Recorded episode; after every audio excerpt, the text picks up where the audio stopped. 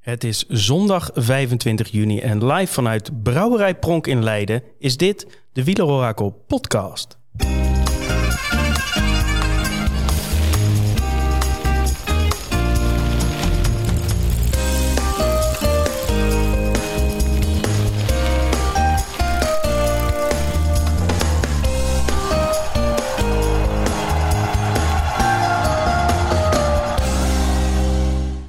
Hebt het eventjes zonder ons moeten doen, maar daar zijn we weer. Thomas, Goedemiddag Tom. hoe is het? Ja, het is eh, prima. Leuk hier in, eh, in Leiden. In, eh, in de brouwerij. In de brouwerij, ja, dat is altijd goed natuurlijk. Ja. Altijd goed. Ja, ja, zeker. Net een mooie rondleiding gehad van, van Benjamin. En die komt straks ook aan het woord, want die zit er keurig netjes zit hij erbij. Ja. Dus dat- Het is alleen nog geen eh, koptelefoon. Nee, geen koptelefoon, geen microfoon. Maar ik ga je beloven dat hij eh, dat hij straks aan het woord komt. Want hij eh, heeft live eh, wat leuke gerechten en, eh, en dranken, denk ik, voorbereid. die passen bij de Tour de France. Maar we zijn niet eh, alleen met z'n drieën. Want eh, Daniel Goedemiddag Tom. uit Kampen Yes. op deze snoeihete zondag. Trein uit Erco gelukkig. Hè? Trein had de airco, dus het was niet afzien. Nee, het ging goed. Dat is mooi. Mooi. Vorige week was je er ook al. Hebben we het zo over. En nog één. Arjan Zoer. Ja, eh, grote wieler voor, grote wieler eh, eh, eh, voorbeschouwing van de Tour de France ben ik natuurlijk bij. Hè? Ja, dit is toch de, stiekem wel de mooiste aflevering van dit jaar, hè mannen? Eigenlijk wel. Eigenlijk wel. En ik had het net al even voor, over vorige week. Wielerquiz. Was weer leuk, hè? Veel gezelligheid. Ja, jullie hebben, eh, ik was natuurlijk de organisator van de wielenquiz, dus ik heb de vragen eh, gesteld. Jullie hebben geprobeerd om de goede antwoorden natuurlijk. eh, We moesten Te er eventjes inkomen. De eerste paar rondjes waren wat eh, stroef, Daniel. Ja, die was eh, een ook, moeilijke vraag bij. ook wel op het puntje van de tong, maar er niet op kunnen komen. Frustratieachtige momenten gehad. Maar eh, de laatste rondes eh, waren, ja. waren Ja, jullie hebben dat goed gedaan. Maar het was sowieso, vond ik, echt een, eh, een heel eh, leuk gezelschap. Eh, veel diverse teams. Hè. Eh, nou ja, de nummer 1 die kwam een beetje uit richting Brabant. De nummer 2 kwam uit, uit Friesland, het team. En het derde team kwam uit België. Dus echt een heel grote... ja, blijkbaar is onze circle of influence toch wel redelijk, redelijk ruim. Want het waren niet alleen maar teams uit Leiden. Zeker niet zelfs. Ruim 27 teams. Ja, 100 plus mensen. Allemaal in Café Scheltema, hier vlakbij. Ja had ook leuk, leuk eh, aangekleed weer. hè. Het zag er, Ja, het was zag er top. tip top uit. Presentatie was ook weer in goede handen. Oh ja, natuurlijk, ja, zeker. dat, eh, nou goed, ik vond het echt oprecht ook heel leuk om te doen. En eh, niet alleen ik natuurlijk, eh, samen met eh, Mark van eh Biba Quiz Productions hebben we natuurlijk eh, er weer een mooi feest van gemaakt. En eh, nou, echt heel veel positieve verhalen gehoord, dus dat was leuk. Ja, editie 2 met ook eh, een paar bekende Nederlanders, hè? Ja, oh, zeker. eh, influencers, hè. Eh, hier eh, Bas Tietema, ook een beetje uit de, regio afkomstig van eh, waar de heren hier aan de overkant eh, vandaan komen. Hoeveelste geworden? Die waren volgens mij iets lager dan jullie. Dus eh, nou, dat is dan het voordeel als je organisatie, als je zeg maar bij het wielerorakel zit natuurlijk. Hè. En net geen top 10 geloof ik voor... eh, Nee, nee, ze begonnen goed. Ja. Eh, ja. Maar was, eh was mooi om te zien dat die ook meededen. En je ziet dan toch wel dat er ook wat mensen dan... Ja, het begin was een beetje van, oh, is dat nu... eh, is, is, dat, is dat hem nu echt, zeg maar? Maar na afloop ook mensen even het, even het die hebben om te kijken... Hè, wat doen jullie nou allemaal met eh Tour de Tietema? Nou, heel leuk. En eh, ja, mooi om te zien dat die er ook waren. En eh, Domestiek, de, de, de Vlaamse influencers, mogen we wel zeggen. Hè? Want die hebben ook wel een serieus eh, Twitter-account eh, tegenwoordig. Ja, die waren we s ochtends om 9 uur vertrokken. We hadden elkaar ook nog nooit live, live gezien met z'n vieren. Het is altijd schrikken, hè? Dat weet, kan, ik, kan ik beamen. Je houdt er nog steeds vol met ons. Tom. Nee, wel eh, hartstikke tof toch? Dat die gasten helemaal uit, eh, uit België komen. Eh, samen met het, het eh, met alle respect, seniorenteam, hè? Dat er vorig jaar ook al was. Ja, de nummer drie. Jasper Mijn god, wat weten die gasten veel, hè? Ongekend, ja. Ja, die Dat, top 3, dit was wel een beetje best of the rest. Of, ja, die far, had- far above the We rest. hadden echt een kopgroep. Ja. Met, eh, die ook eh, heel lang een puntje van elkaar stonden. Er mo- moest zelfs een shootout aan te pas komen, hè? Voor de tweede plaats was een shootout. We wisten, eh, eh, de tweede plaats werd gewonnen door de, eh, de Friese Flandriëns. Met de team, teamcaptain eh Ties de Jong.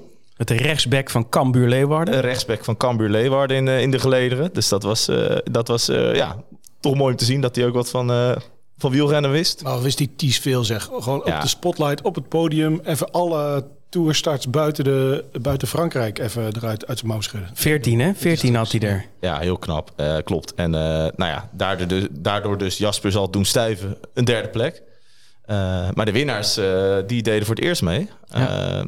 Volgens mij eh, nou, doen ze wel vaker wielerquizzen, maar team José de Kouwer, eh, absoluut, absoluut.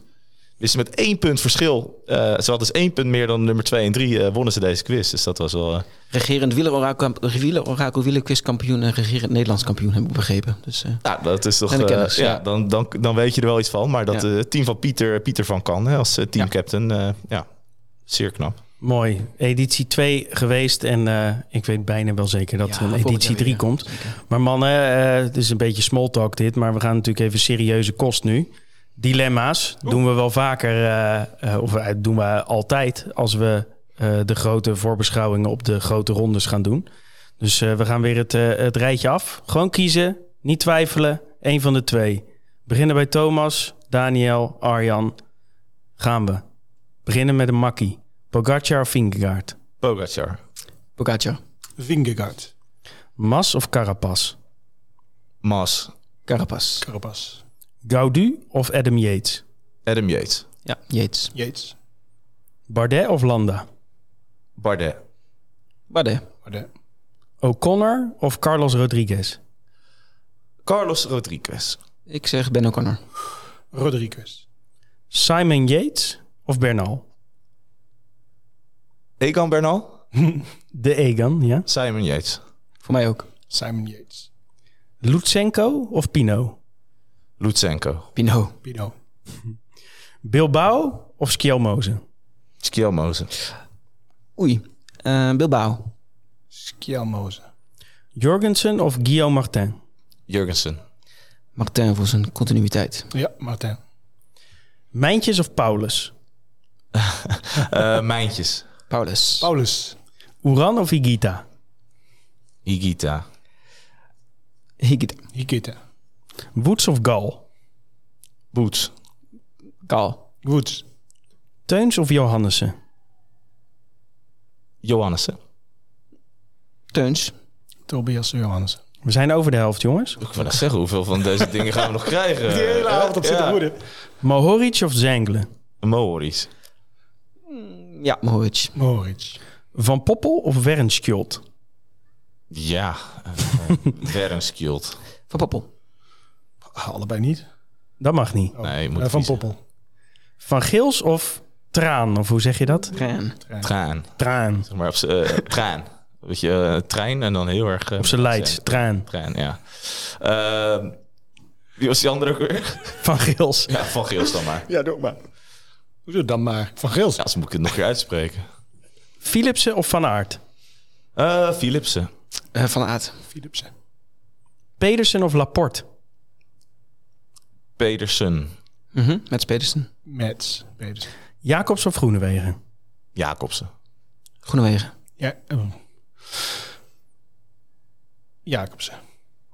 Ewan of Girmay? Giermai. ja, voor mij ook. Ja. Maar. De laatste vier. Sagan of Kev? Sagan. Peter Sagan, Ja, geen van beiden, maar uh, Sagan. Christophe of Kokkaar? Uh, Kokkaar. elkaar, Christophe. Meus of Wright? Meus. ja, met zo'n lead-out Meus. Right. Fredje Right. De laatste, om mee af te sluiten. Makkie natuurlijk. Pitcock of Matje? Oh, ik dacht je gewoon alle Philippe zeggen. Eh, ja. Eh, ja, Van de Poel. Als het gewoon bij gelijke, eh, gelijke budgetten Van de Poel. Ja, met- we hebben het wel over Scorito, hè? Ja, ja, oké. Wil je opnieuw beginnen? Van de We kunnen gewoon nog een keer doen, hè? Nee, Van de Ja, Poel. Mathieu van de Poel. Ja, Matje. Ik ben benieuwd wat hij vandaag doet. Vandaag is, eh, het is podcast, hè? Dus niet mensen die weten niet wat vandaag is. Maar dat is zondag, nationaal kampioenschap, hè? Doe jij op. Ja. Ben ik ook benieuwd naar hoeveel voorsprong die pakt voor de winst. Ehm wielerquiz gehad. We hebben ook een nieuwe site. Absoluut. En die gaat als een trein.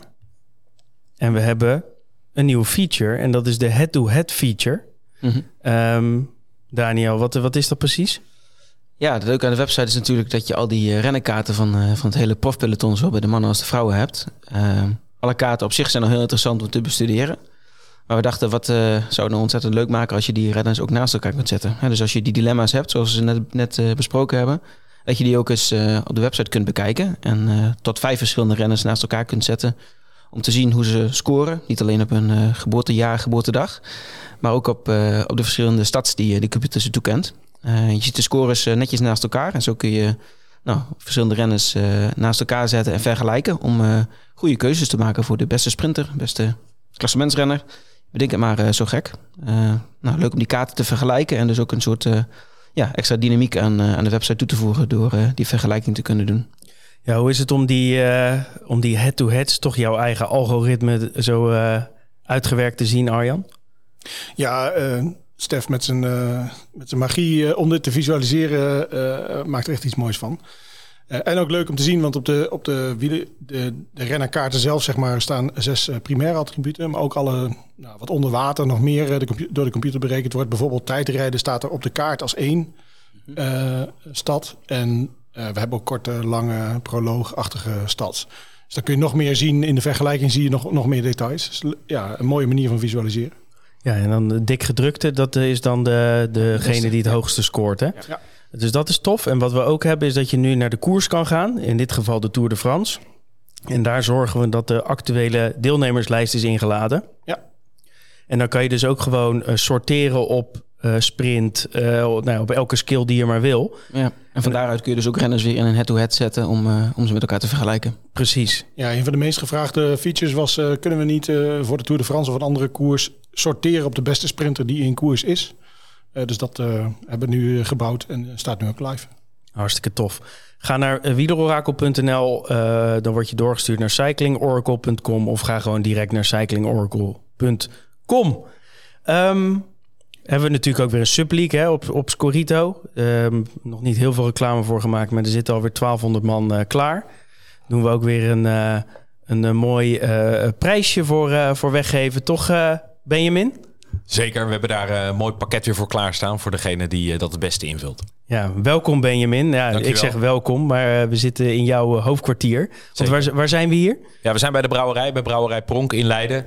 Um, in een mooi oud pand, oude schakelhuis. En uh, nou ja, zelfs op deze warme dag is het hier nog uh, aangenaam podcast opnemen. Ja, heel, heel tof. We zijn uh, vlak voordat we gingen starten, hebben we nog een korte rondleiding gehad. Um, prachtig, prachtig monumentaal pand. Um, veel vragen gesteld door de heren, veel interesse.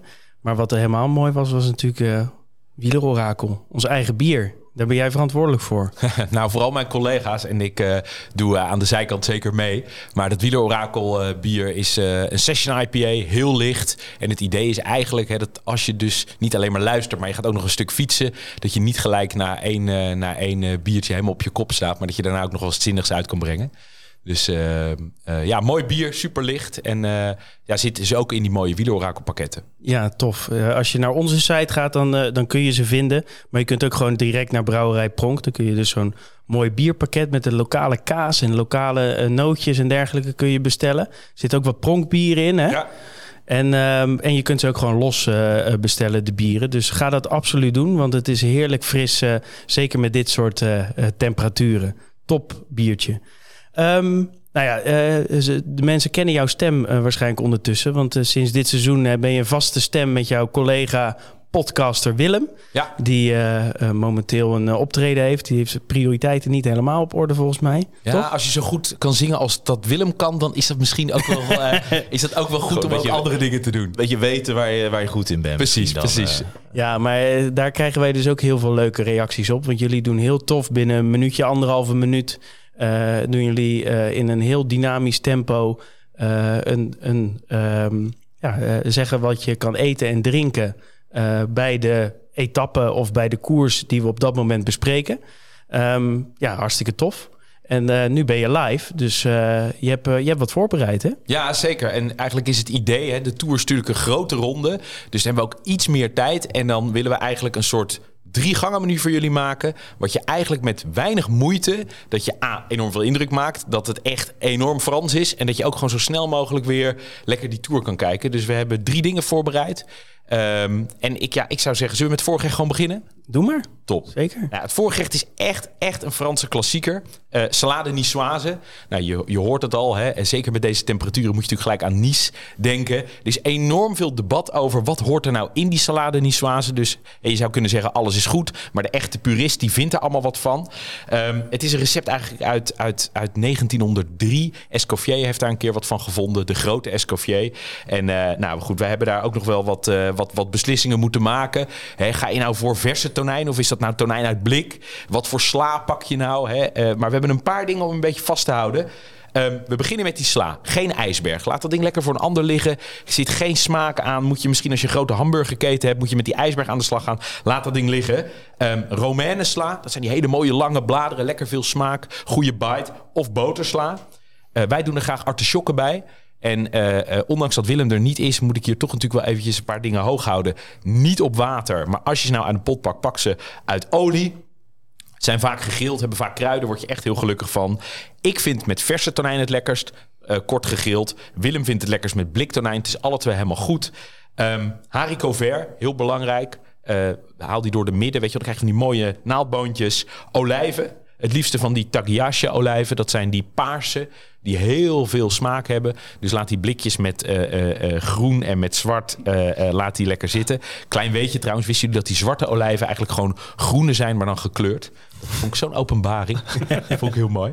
Um, gekookt ei. Als je nou echt indruk wil maken, porcheer je een ei. Hebben we een hele aflevering over gemaakt. Is niet makkelijk, maar maakt wel veel indruk. Um, ui, kappertjes en een klassieke vinaigrette en je bent helemaal klaar. Ben je nou echt heel lui of hou je heel veel van salade? Maak hem dan groter, stukje brood erbij heb je gelijk een hoofdgerecht. Heerlijk. Klinkt goed. Ja, dit, is nou, dit is nog maar het voorgerecht, hè? Dit is, dit is, het, dit is het voorgerecht. Ja, Krijg je de trek van Thomas ik, of niet? Uh, zeker, ja, absoluut. Uh, het is dat we niet kunnen, kunnen eten nu. Want uh, dat nee, zou... we, we, moeten natuurlijk door. Les, mooi, e les 1, hè? Nooit gaan eten, smakken tijdens de podcast. Zeker niet. Maar uh, dankjewel, Benjamin. En straks uh, kom je terug met het hoofdgerecht. Toch? Ik kijk er nu al naar uit. Wat zullen we nu gaan doen, Thomas? Zullen we het parcours anders doen, of niet? Gewoon uh, rustig even. Hoe lang willen jullie, uh, hoe lang willen jullie over het parcours? Ah, doe maar gewoon een vogelvlucht. Ja, ja? vogelvlucht? Dat is een gevaarlijk woord, hè? Dan krijg je heel veel commentaar op als je het vaak gebruikt. Ja, niks van aantrekken. Ah, ik probeer het altijd zo snel mogelijk, hè? Dat zeg ik altijd tegen jullie. Dus, uh, van, uh, loopt al, Thomas. Ja, dat is... Zolang als je kan. Ja? Nee, ik denk, we gaan er gewoon even doorheen. We komen daarna nog uitgebreid terug op allerlei uh, toespelingen en verwachtingen over de eerste etappes, denk ik. Maar het is wel goed om uh, in ieder geval even al onze luisteraars gerust te stellen dat er weer uh, een twintigtal etappes zijn. Dat we weer aan de gang kunnen. dus ik neem jullie graag mee. Mochten jullie vragen hebben tussendoor, stel ze gewoon. Anders ga ik gewoon door, ja? Tijdens of daarna? wat, wat, wat, wat, jullie willen. Eerste etappe, we beginnen met Baskeland hè, dit jaar. Cool. eerste drie etappes daar. eerste is van Bilbao naar Bilbao. Dus een soort rondje door de heuvels van Bilbao wel heel pittig. Uh, en met name op een kilometer of tien van de streep. nog een bergje, de Côte de Pique. Pique is het dan, denk ik, uh, in het Spaans. Twee kilometer aan 10%, waarbij de eerste kilometer eigenlijk uh, nogal meevalt. Dus dan kan je wel voorstellen hoe de tweede is. Tweede dag is een soort mini San Sebastian met de bekende Jijkibel klim. Jijkibel. Jijkibel als scherprechter. San Sebastian hebben ze me verder van de finish gelegd volgens ja, mij. Ja, klopt. San Sebastian zitten, wat, uh, zitten nog wat meer pittigere heuveltjes. Deze, deze rit, de tweede rit, is iets minder zwaar dan de eerste rit, schat ik zo in. Er kunnen iets meer mensen aan de aankomst komen. De derde etappe is dan weer iets minder zwaar. Dat is er eentje voor de sprinters. Dan vervolgens gaan ze naar, naar Frankrijk toe, uh, naar Dax. En dan beginnen ze Dax naar Nogaro. Dat is een ritje voor de sprinters. Sprinterskans 2.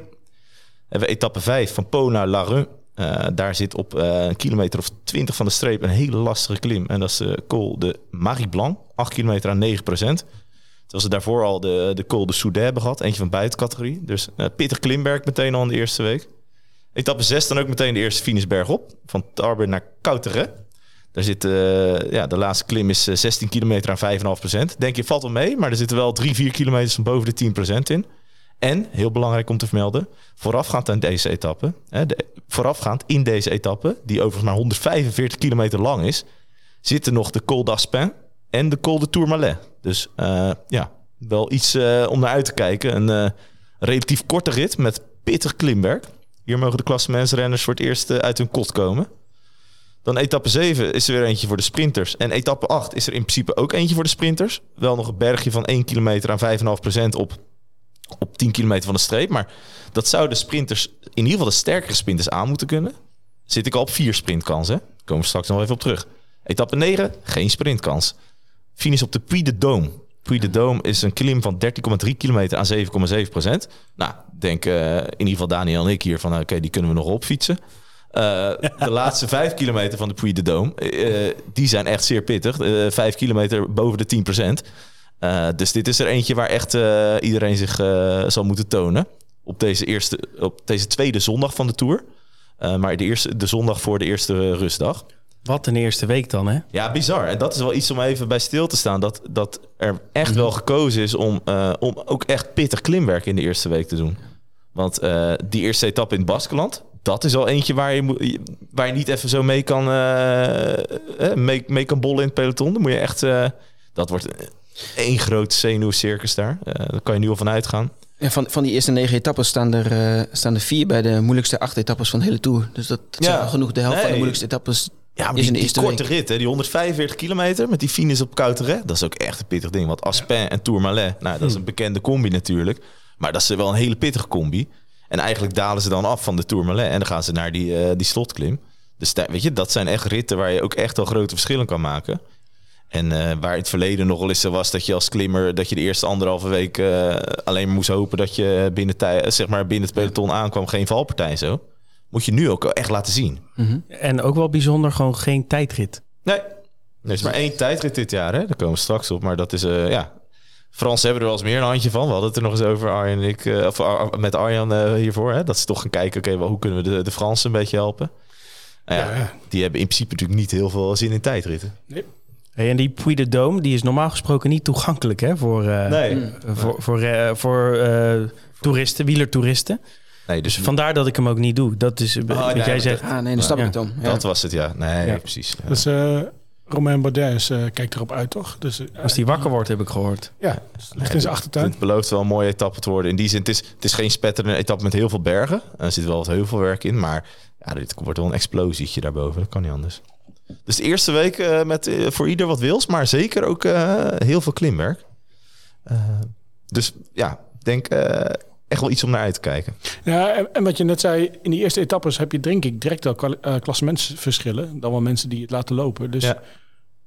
waar je eerder nog wel eens vluchters die heel dichtbij gehouden worden om ook de, de trui te beschermen, heb je hier direct al kans dat mensen op kwartieren staan. En je dus ook vluchten kan hebben die tijdens sprintetappes zomaar in één keer er mogen...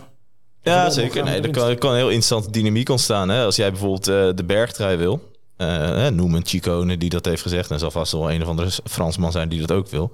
Dan kan het dus wel lonen om in ieder geval op in die rit, uh, die rit met de Aspin en Tourmalet. Dat is volgens mij eerste categorie, buitencategorie.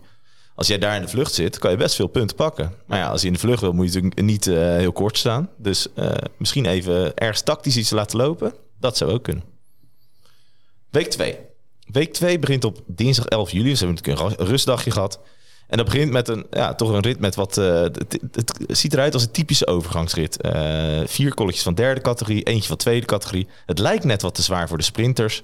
En uh, ik zou zeggen overgangsrit, maar als er sterke sprinters zin hebben, kan het eventueel bij elkaar gehouden worden. Etappe 11 gaat dat wel gebeuren. Dat is een vlakke rit. Dus dat is sprintkans nummer 5, zou ik zeggen. Finish het in Moulin. Uh, daar mogen de sprinters nog één keer in gang gaan. Dan hebben we etappe 12. Dat is weer een overgangsrit met een uh, aantal kolletjes van tweede categorie, een aantal van derde categorie. Scherprechter op uh, een kilometer of 30 van de streep is de Col de la Croix-Roger. 5,3 kilometer aan 7,6 procent. Dus er moet wel een vluchter zijn die een aardig heuveltje over kan. maar de kans dat hier het klassement op zijn kop gaat, lijkt me niet al te groot. Ben ik bij, hè, deze? Ja, dat is een van de etappes waar Tom bij is. Zijn er meer? Ja, een van de twee. Hè? Je gaat hier fietsen met, uh, met een oud uh, toerwinnaar, toch? Andy Slek, die uh, ga ik even gek maken. Ja. Hey, op uitnodiging van Skoda. Dus, oh, ja. leuk. Is toch wel grappig, hè? Ja, nee, dat is heel grappig. Wanneer vliegen we? nou ja, ik heb aan jullie gevraagd van wie zouden willen. Want ja, het is voor mij wel lastig oppasregelen en dat soort dingen. Maar toen nou ja, kwam gewoon geen respons. Nee. dus ik denk, nou ja, dan ga ik het wel regelen. Ik bleef twee minuten stil in de app, dus je dacht ik ga zelf. Om één uur s'nachts. Ja, wij, wij komen wel even helpen met jouw eh, fiets afstoffen dan. Want Ja. er zit een flinke laag op volgens mij. eh. Ja, die krijg ik daar. Oh, die krijg je daar? Oh, Gemotoriseerd, denk ik. joh, joh. Ja, dat hoop ik wel. Dus ik zal die Andy even bellen dat hij een beetje medelijden met jou moet hebben. Ja, Andy is ook niet meer wat geweest is. Hè? Dus ik kan me voorstellen dat ik wel wat meer power heb eh, Ja. op de eerste 10 meter. Etappe 13. Eh, die gaat naar de Grand Colombier. Dat is eh, 138 kilometer. Weer zo'n korte rit. eh, met een, eh, nou, een ongecategoriseerd heuveltje erin. Eh, maar eigenlijk alle focus op de Grand Colombier. Dat is eh, 17,5 kilometer aan 7% Valt op zich wel mee. Maar eh, ja, dit wordt, kan wel eens weer eens een knotsgekke etappe gaan worden.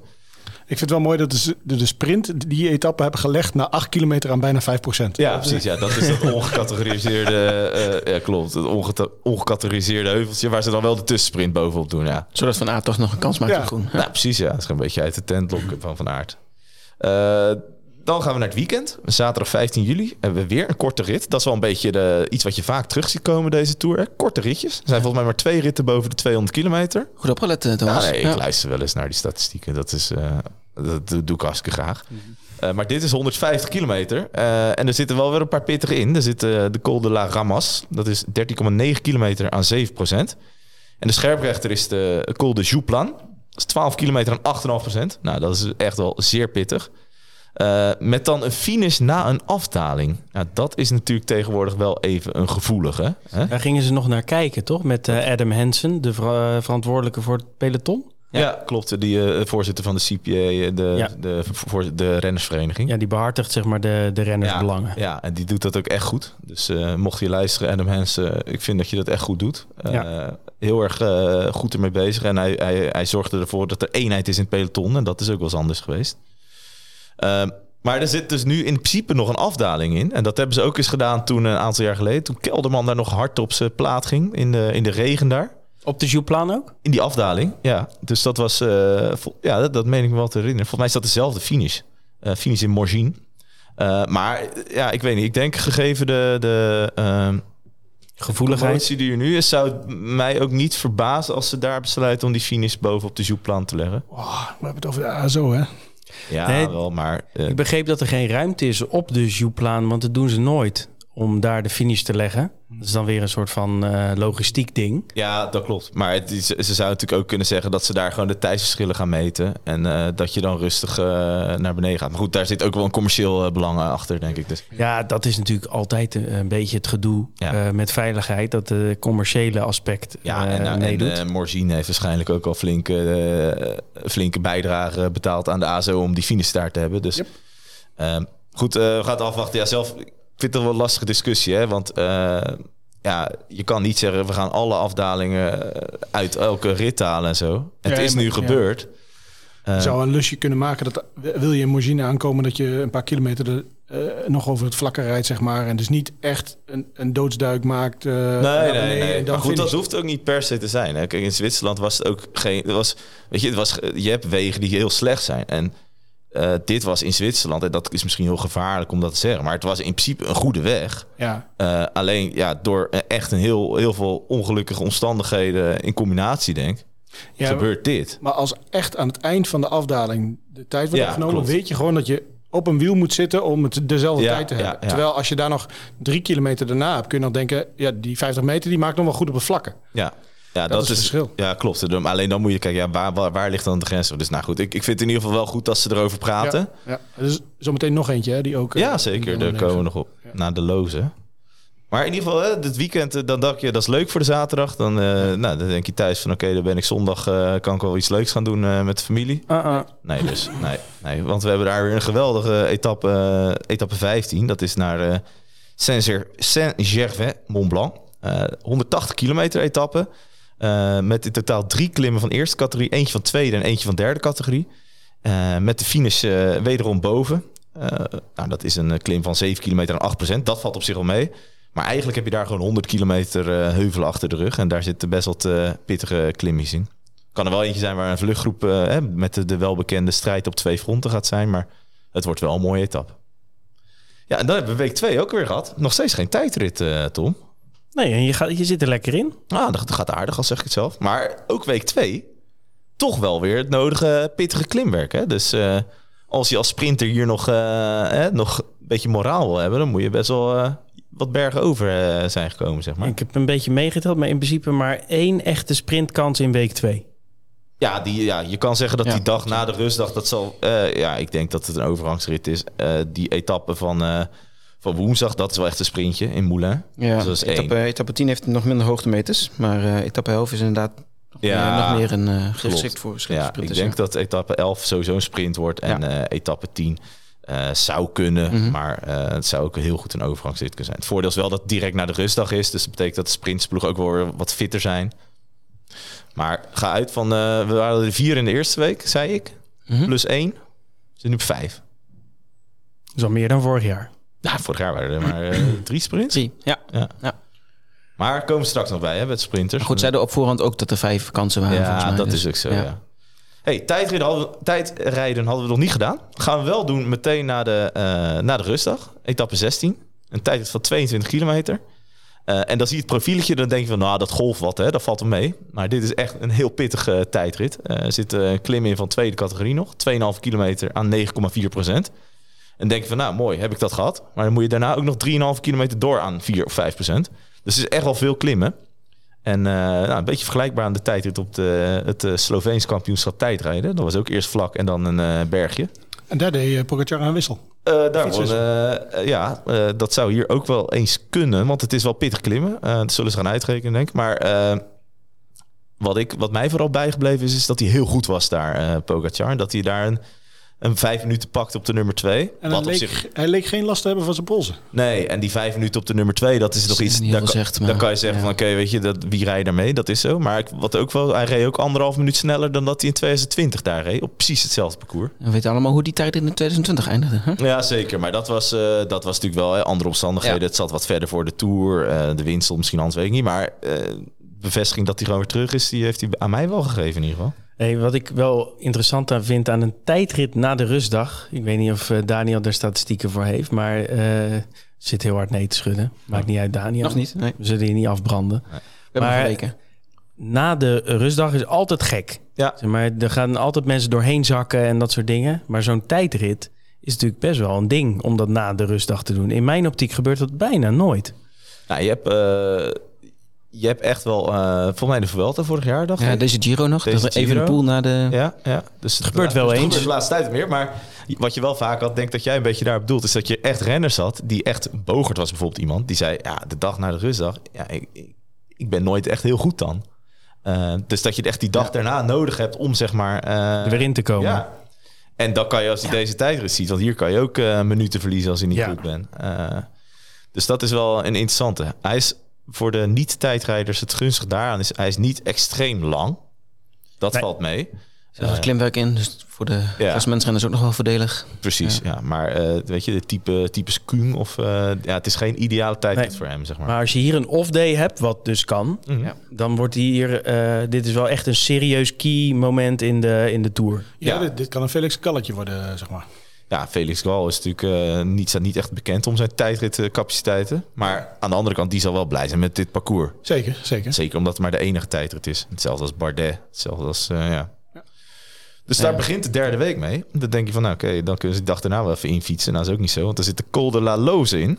De Col de la Loze is officieel 28 kilometer aan 6%. Dus dan denk je van, nou weet je, je moet er even wat tijd voor uittrekken, maar dan kom je wel boven. Maar als je eenmaal in Meribel bent, dan heb je het eerste deel van die klim gehad. Dan begint echt het, uh, echt het, uh, het rotwerk. Hè. Dat is die klim met hele steile stukken, een soort van Keutenberg-achtige steile stukken, afgewisseld met korte afdalingjes.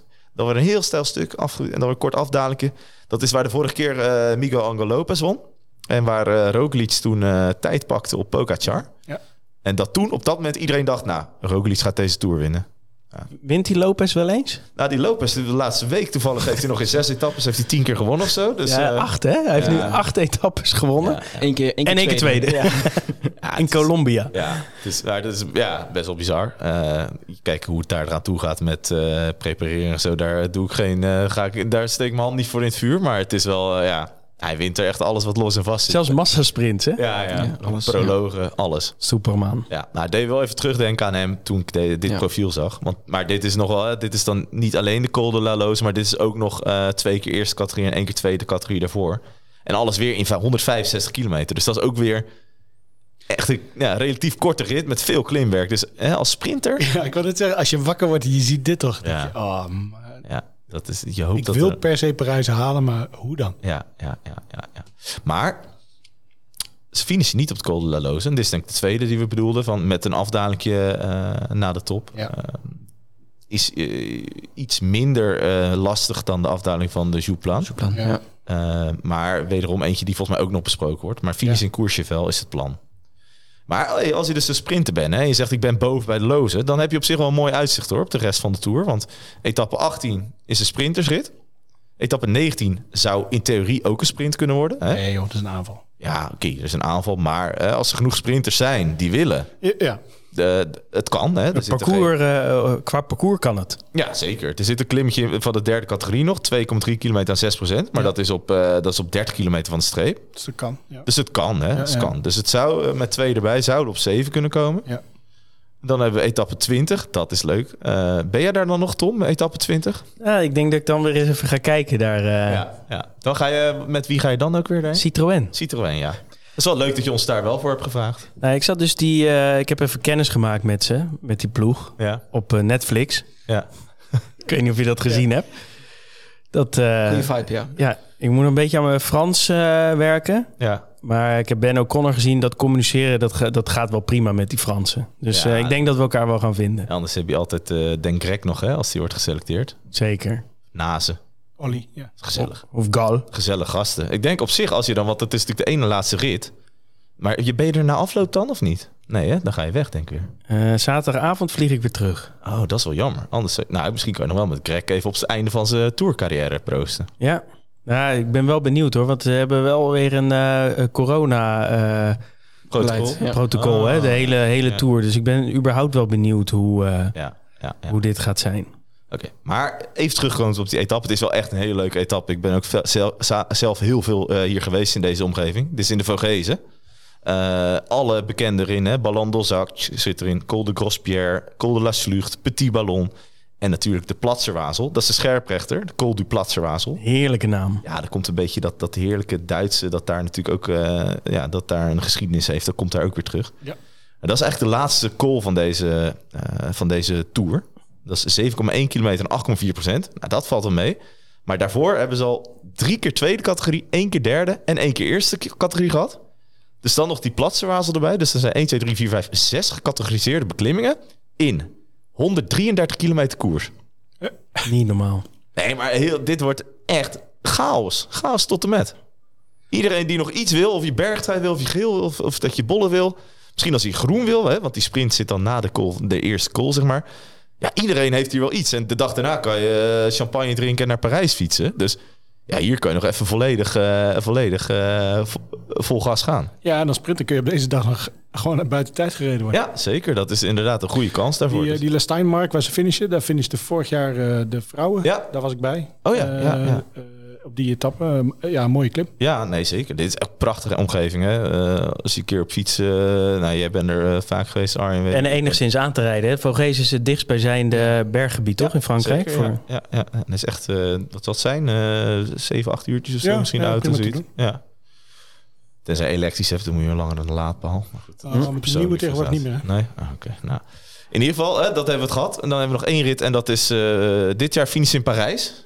Tour. Hm. De Champs-Élysées. Is dat dit jaar? Dat is Leuk ook voor de Champs-Élysées, ja. Dus, eh, Super. nou, volgend jaar niet, hè? Ik weet het. Nee, dus... eh, ga je En waarom, waarom jaar? is dat? Ja, dat heeft iets te maken met de Olympische Spelen. Ah, Die eh, worden volgend jaar in Parijs gehouden. dus we gaan naar We gaan naar Nice. Nice. Nice. Mooie Misschien nog boulevard. een saladetje daar eten in eh, Nice. Salade Niçoise. Hmm. Uit 1903, hè? Eerste editie van Tour de France in Winnaar Maurice. Garin. 1903. Niet te bedenken van de salade denk ik. Maar dat is dus de slotweek. Dus op zich wel geinig. Er zitten wat pittige ritten in. En een hele leuke aan het eind. Op de zaterdag eh, 22 juli. Eh, maar ook wel wat kansen voor de sprinters. Dus ja, het is, eh, het is echt al bij al. Als het eh, even... Nou, was dit best wel vogelvlucht, hè? Maar als het samenvatten... Als jij dat vindt, maar de, wat we vooral inderdaad moeten doen nu is het samenvatten. Want mensen willen vooral gewoon weten, oké, hoe zit het nou grofweg eh, qua sprinters, qua nou ja, tijdrijders hebben we het al over gehad Ja. natuurlijk. En qua klassementen en dan uiteindelijk wat een beetje het grove advies is voor je Scorito pool. Ja, Nou, Team. Als, als ik jullie zeg, ik zie acht kansen voor sprinters, waarbij het nooit acht keer wordt, maar zes of zeven zie ik best gebeuren. Dat is vrij fors. Ja. Dus dat is gro- grofweg een derde van de ritten. Ja. Nou, ik zie ook, denk ik, dat de klassementsrennen... want dat is, dat is in de Tour natuurlijk best wel eh, iets wat vaak voorkomt. dat, het, dat de vlucht het niet haalt. Hè? Dat echt de klassementsrenners zijn die om de eh, strijden. Ik denk dat dat toch ook wel zeven keer zal gebeuren. Zeven, A8. Ja, dus dan zit je al op 15, Ja, zo, ja. En dan nou, de rest heb je één tijdrit. 16. En nog wat eh, vlucht, heuvel, eh punchers, weet je. Die, ja, die eerste etappe in het Baskeland, ja, dat, dat, dat, daar, daar willen klassementsrenners goed zijn. Daar willen de punchers goed zijn. Daar wil iemand nog in de vlucht zitten. Ja, weet je, zeg jij het maar. Maar ik denk dat de, dat de verhouding in je team... dat het goed is om toch al een stevige dosis eh, sprinters te hebben. Hoeveel? Ik denk wel zeven. 7, inclusief of exclusief van aard? Nee, inclusief. Inclusief. Ja, en misschien ligt het een beetje aan als je opvulplekje... kan je ook nog een eh, top 10, top 20 sprinter nemen. Die zijn niet heel veel, maar komen straks misschien even op. Ja. Eh, ik zou zeker, ik zou dat kiezen. Ik zou denk eh zeven sprinters. Ik zou tien of elf klassementsmannen. Ik zou iemand nemen die voor de bergtrui wil gaan. Chicone bijvoorbeeld. Wel duur. zo- Is wel duur, maar iemand in ieder geval daarvoor. Race slecht op het eh, Italiaans kampioenschap. Ja, dat klopt. Maar hij was getrouwd. Hè? Dus misschien had hij een eh, wilde huwelijksnacht achter de Mm. rug. Vorige week getrouwd. Doen die Italianen niet, joh. Nee, geen passie, hè, die gasten. Nee, weinig. Dacht ik ook.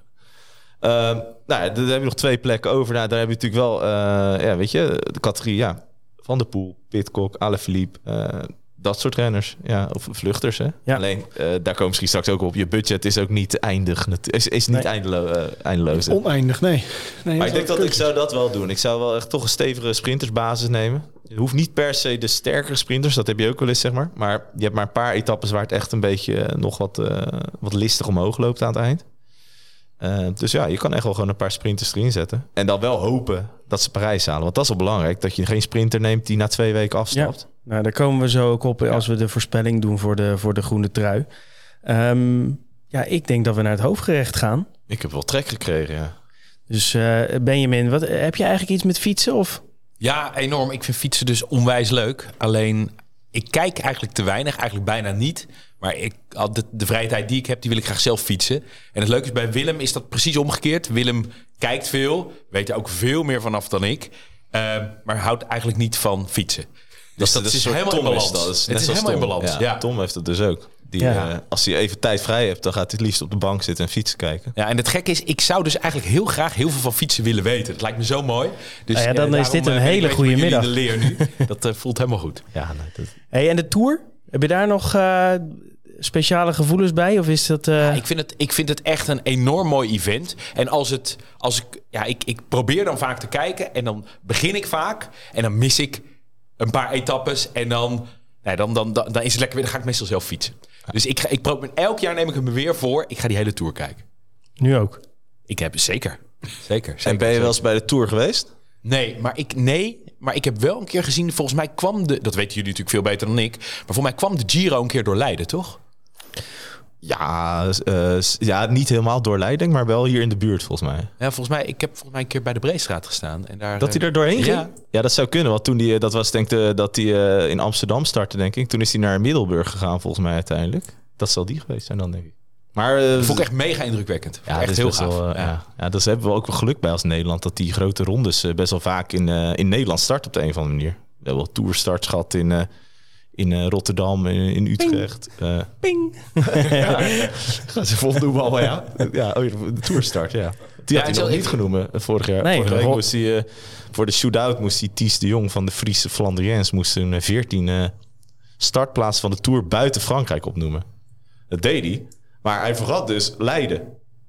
Eh, Daar waren we gewoon. Eh, Maar daar is de Tour ook een keer gestart. Dus, ja, dus dat is wel komen. Nou, sowieso zat ik later te denken, dat kun je natuurlijk gewoon het beste soort van per land in je hoofd doen. Ja, zeker. En dan van tak, tak, tak. Want dan kom je toch best wel snel ook aan. Want dan kwam ik zelfs al aan bijna 20. Maar goed, die jongen... Dit is wel een beetje grootspraak, hè? jongen, jongen, jongen. Nou, hoofdgerecht. Hoofdgerecht, Benjamin. Ja, we hebben een eh, mooi recept kok au vin. En dan van een eh, oude leermeester van Willem. Ehm Wil de Mand. Echt een ongelooflijk grote chef. En het is een... ehm, hij heeft een boek geschreven. Dat heet Altijd Zondag. Nou, op, in die titel dan weet je ongeveer al hoe het is. Compromisloze recepten. Klassiek Frans. Dus eh, vaak duren die recepten wel heel lang om voor te bereiden. Deze valt gelukkig eh, mee. En, en, en ga een keer in dat boek kijken. Je, krijgt er echt honger van. Eh, en Willem heeft dus met, Wilde Mand gewerkt. Ehm, voor kok au vin heb je nodig een oude haan. Die heeft niet iedereen liggen. Dus van tevoren bestellen. Het liefste een bres eh, haan. Dus uit de regio Brest. Dat is tevens ook het ras. Onwijs hoge kwaliteit. En ik had natuurlijk aan jullie beloofd van hey, je kan heel snel kan je dat drie gangen menu op tafel zetten. Je moet hier alleen wel eventjes van tevoren beginnen. Dus twee dagen van tevoren ga je aan de slag met die haan. Ja, maar het kost allemaal niet veel tijd. Je moet alleen even op tijd beginnen. Je snijdt dat ding in stukken. Je marineert hem met rode wijn, azijn, kruiden en een beetje cognac. Laat je 24 uur staan. Volgende dag droog maken, aanbakken in boter. Die oude, of die oude hè, marinade erbij die je hebt gebruikt. En dan laat je het daarin lekker stoven. En eigenlijk, ja, als die haan moet door en door gaar zijn, maar hij moet niet van het bot vallen. Dus let op dat je niet eh, je lepel omhoog haalt. Je hebt alleen nog maar botten. Dan is het net te ver. Dus net iets daarvoor. Dan groenten er doorheen. Champignons, wortel, bleekselderij, zilverui. Op smaak maken met peper en zout. Klaar. That's it. It's easy peasy. Hey, en oude haan, zeg jij? Oude wat, haan. Hoe, eh, hoe, wat, wat betekent dat? Nou, kijk, de kippen die wij normaal eten, ah, die zijn een week of zes. Ja. Zeven. Heb je het gehad? Die mooie kippen, zoals die Brestkippen, krijgen al meer tijd. Maar die, hoe meer iets gewerkt heeft, hoe meer smaak het heeft. En omdat je dit gaat stoven, kan, is het helemaal niet erg dat dat niet super mals is. Want je gaat het toch heel langzaam garen. Dus liever een beest wat nou, eh, twee, drie jaar buiten heeft gelopen. Veel smaak. En gebruik dat dan lekker voor die, eh, voor die stoofpot. Klinkt goed, eh, Benjamin. Ja. Onwijs lekker hierbij trouwens is mooie gekoelde rode bourgogne. En mocht je dat nou niet hebben liggen, is bijvoorbeeld een uh, Gamay is ook onwijs lekker. Heerlijk. Goeie trek. Goeie, goeie trek. Hey, en we komen straks nog terug eh, voor het, eh, voor het nagerecht, Ja. het toetje. Zeker. Heerlijk. Hey, deelnemerslijst. Is nog niet helemaal compleet hier op de snikhete zondagmiddag waar we op opnemen. Ehm, maar goed, het is al best wel aardig. Er zullen her en, daar, her en der zal er nog wel een verrassingje komen. Maar laten we maar eh, eh, vlotjes door de, door de ploegen heen lopen. En dan bespreken we eh, wie je wel of niet kan, kan overwegen voor je team. Als we beginnen bij AG Duzer, dan zie ik Van Avermaat staan, Gal, Peter, Nasen, Godon en O'Connor. Nou, volgens mij zijn we het wel redelijk met elkaar eens dat dat in principe alleen maar Gal en O'Connor zijn die, we, die je kunt eh, overwegen. Ehm, Thomas, zit een van die twee in jouw team? Op dit moment wel. Op dit moment zit Felix Gal in mijn team. Ehm, ja, ik, ik, Gal heeft wel eh, het eh, verleden dat hij, eh, dat, dat heel erg zand in de ogen kan strooien. Maar voor 750.000, eh, met de vorm die hij toonde en ook het parcours dat er is, ehm, ja, denk ik dat hij toch al vrij snel zijn punten waard is. Hè? Hij doet mee voor de jongere trui. Eh, hij kan eventueel ook nog, is er ook zo iemand die als het dan niet helemaal lukt met het klassement lekker gaat avonturieren. Dus voor 750.000 eh, durf ik dat wel aan. Interessant. Eh, Arjan, Ben O'Connor? Ja, eh, hij viel een beetje tegen in de voorbereidingskoersen. Maar ehm, ja, ik denk wel de, de, de beste kans voor, eh, voor hun om eh, een klassement te rijden. Ik denk dat Gal nog net... Hij is goed, maar ik denk dat hij eh, nog een beetje jong is en vooral ervaring mag het op, opdoen.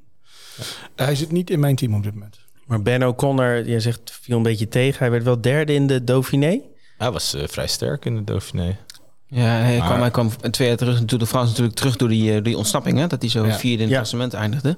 Ja, dat Vorig jaar- vergeten mensen wel eens. Ja, ja, vorig jaar was hij natuurlijk een, was, ook, werd hij ook opgeschreven als eh, kanshebber achter eh Vingegaard en Pogacar.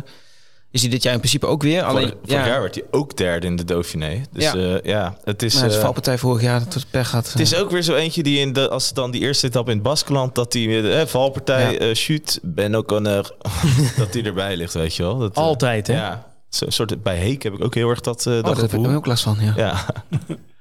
Ja, Jij, eh, Daniel, Ben O'Connor? Nee, op dit moment niet. Nee. Jij, Thomas? Eh, nee, want ik vind 2 miljoen net wat te veel. Maar ik, ik, zit, ik ben nog niet helemaal uit mijn team, hoor, moet ik eerlijk zeggen. Hij, is wel populair. eh, als, ik heb wat polletjes erop gegooid hè, op Twitter. Ben O'Connor is wel een van de meest populaire voor, voor 2 miljoen. Maar Moet je de polletjes van vorig jaar eens gaan kijken. Toen had eh, iedereen hem. ja, dus eh, en zeker met het oog op het compleet chaotische openingsweekend... Ja. zie ik inderdaad een shootje wel gebeuren. Ehm, dus, maar goed, het is geen... eh, 2 miljoen is ook niet super duur, hè? Dus het is op zich een... eh, het, het kan logisch zijn om hem te nemen. Ja, en, en- in het voordeel van het openingsweekend is wel dat na de eerste, dan wel de tweede dag, het klassement zeg maar wel redelijk gezetteld Ja, is voor ja, de sprintetappes daarna. Dus het is niet meer dat iedereen denkt dat hij nog wel de gele trui kan pakken. Nee, als je er doorheen bent, Ja. door het openingsweekend, dan Ja, zit je misschien dat, goed. eh, dat twee ritten echt chaos worden. Dat is Ja. de eerste. Ja. Met al die korte heuveltjes draaien keren in Baskeland. en al die volle bergen met gekke basken. Ja, dat ook. Maar dat wordt echt chaos, denk ik. Nou, de tweede valt dan denk ik wel mee. hè. Jij, Skibel, zei, jij Skibel. Ik zeg dat dus de hele tijd fout. Maakt niet uit. Nee, kunnen we dat knippen? Monteren we er gewoon uit. Oké, prima. Nee, dan, eh, die denkt dat wel meevalt. En dan heb je die dag daarna de eerste sprintrit. Eerste sprint, eerste massasprint is ook altijd chaos. Ja. Kijk maar weer naar de Giro dit jaar Oh. met Pedersen. En- Altijd. En we hebben een paar, eh, paar van die bombermans in het peloton zitten. Hè? Want, beste beukers erbij zitten natuurlijk. want het zijn natuurlijk ontzettend veel sprinters. Ja. Maar dan heb je dus ook nog Sagan, Ja. Kamikaze. Heb je Cavendish, Kamikaze. En Nou, laten we op zich onze eh, Nederlandse vriend eh Groenewegen... heeft Dylan Dynamite heb die je heeft nog. ook wel eens een handje van dat hij dat hij wat agressief in... Met, een beetje de Amsterdamse, Amsterdamse brani erin gooit. Eh, dus je hebt best wel... En, het- en wat jij zegt, het zijn er ook heel veel. is niet En, normaal. eh, weet je, zo'n Meu, eh, Jordi Meus die nu gaat... Ja, die, eh, die krijg je ook niet zomaar omver. Bennett gaat dan niet. Hè? Die Nee, de Ma- kegel, de kegel niet. er ook, kegel er ook nog eentje omver in uh, Dauphiné natuurlijk bijna. Ze zijn niet allemaal, nee. De Maan niet, Bennett niet. Ja, de Melier Maar- niet. De Maar heeft ook altijd wel een handje van eh Ja, een zeker. beetje Ja. ellebogen te gebruiken. Ewan die eh, weet zich altijd zelf uit de wedstrijd te werken. Ja. Die is er wel. ja, maar die gaat, ook wel, eens- die gaat ook wel van rechts naar links en zo. eh, dus dat is ook... En liggen. Ja, Maar goed. Ja. Ploeg voor ploeg, jongens. Alpecin de Koning. Ehm, ik ga ze niet allemaal noemen, maar enigszins interessant. Krach Andersen, eh Quinten Hermans en natuurlijk Philipsen en Van der Poel. Gouden, du- gouden duo. Hm? Het gouden duo. Wel een duur gouden duo, want Zeker. Philipsen is 4,5 miljoen ehm, en Van der Poel is 3,5 miljoen. Daniel, staan ze bij jou er allebei in? Ja, bij mij staan ze er allebei in. Philipsen was de eerste sprinter die ik eh, selecteerde en nog niet weer eruit gehaald heb. Omdat hij eh, ja, niet alleen de vlakke sprints over kan, maar denk tegenwoordig ook wel eh, de etappes waar Van Aert, Pedersen mee kunnen, dat hij ook een heel eind komt. Ja, met zo'n lead-out bij zich hoeft hij daar zich ook weinig zorgen over te maken. En voor Van der Poel, ja, volgens mij is 2023 het jaar van Van der Poel tot nu toe. En ik heb de hoop en de verwachting dat dat zo blijft met de Tour en het WK.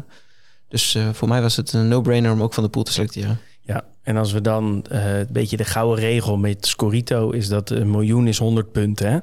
En als je dus kijkt, dan zou Philipsen zo 450 punten moeten halen hè, om hem eruit te halen. En eh, Van der Poel die zou dus 350 punten eh, moeten doen. Als jij met die bril kijkt, Thomas, zijn ze dan een must voor jou? Als ik met die bril kijk, eh, is voor mij Philipsen meer een must dan Van der Poel.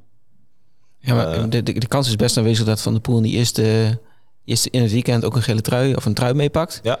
Dat kan natuurlijk doorwegen Dat kan de zeker. dagen daarna. Ja. Klopt. Maar hij is die trui wel, in ieder geval na etappe 4 is hij volgens mij alweer kwijt, denk ik. Vijf? Vijf, ja. Ja, de drie en vier zijn... Ja, drie, eh, vier sprinters na etappe. Dus het is niet zo dat je er heel lang in blijft, denk ik.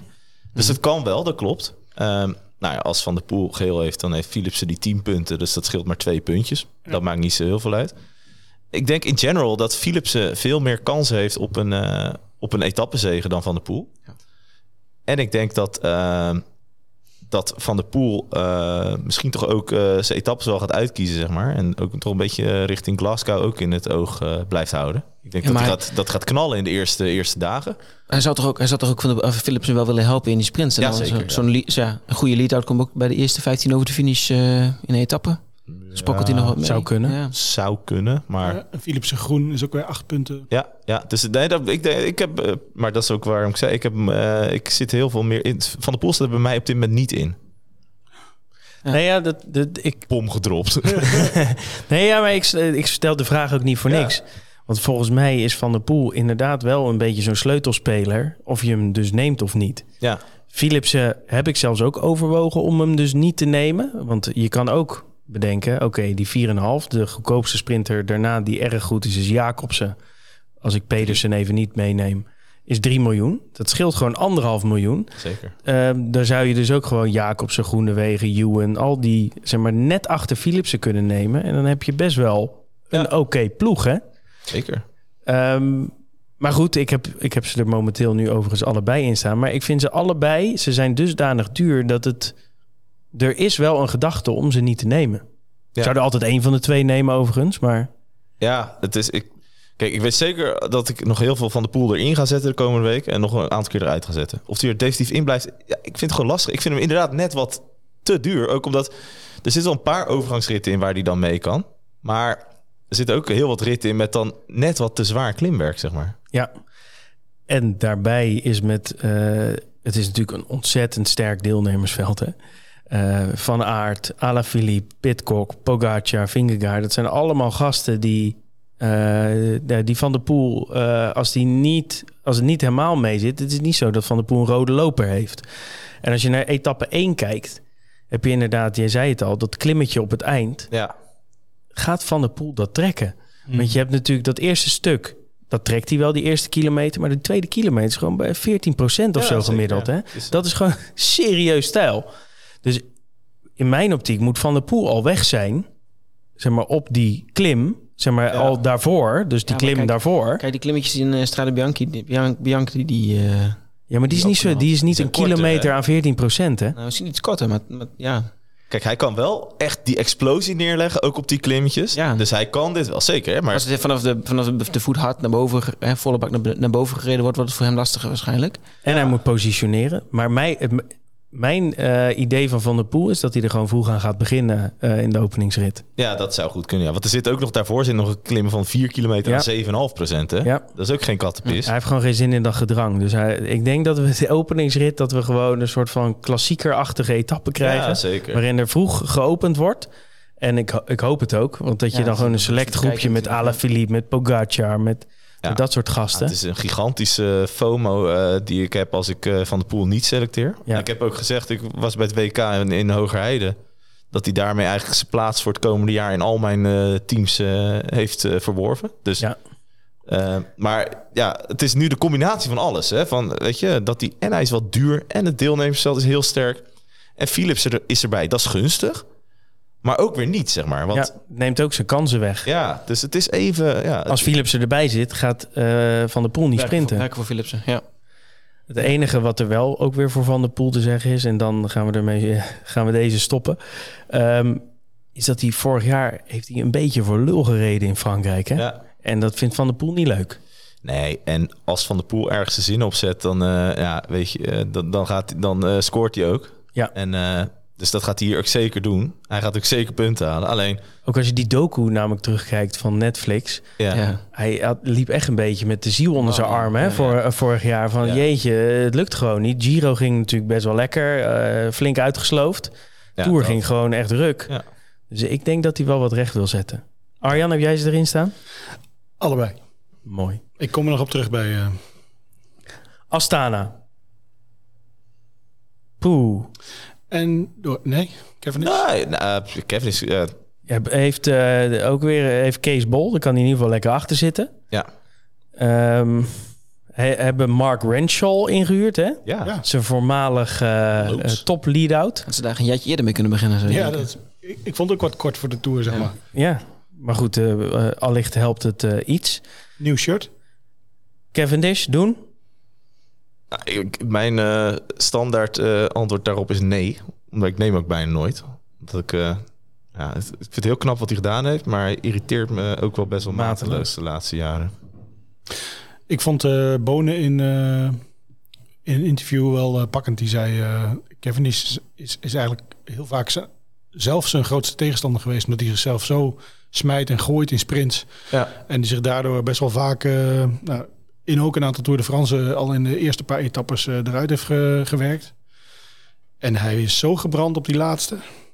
Ik eh, zie het er ook nog wel echt in tranen eindigen dat hij ergens eh, in de kreukels eh, ligt. Omdat hij een gat probeert eh, eh, door een Ja, gat dat te is wel een, is. eh, een realistisch gevaar. Daniel, Cavendish, Nee. Lutsenko, nog iemand? Eh, nou, daar wil ik wel even een lans voor breken. Eh, Nationaal kampioen geworden. Zeker. En ook gewoon, eh, volgens mij de laatste, de laatste paar keer gewoon top 10 in de Tour. Volgens mij kwam vorig jaar. Weet je dat nog? Weet je dat nog?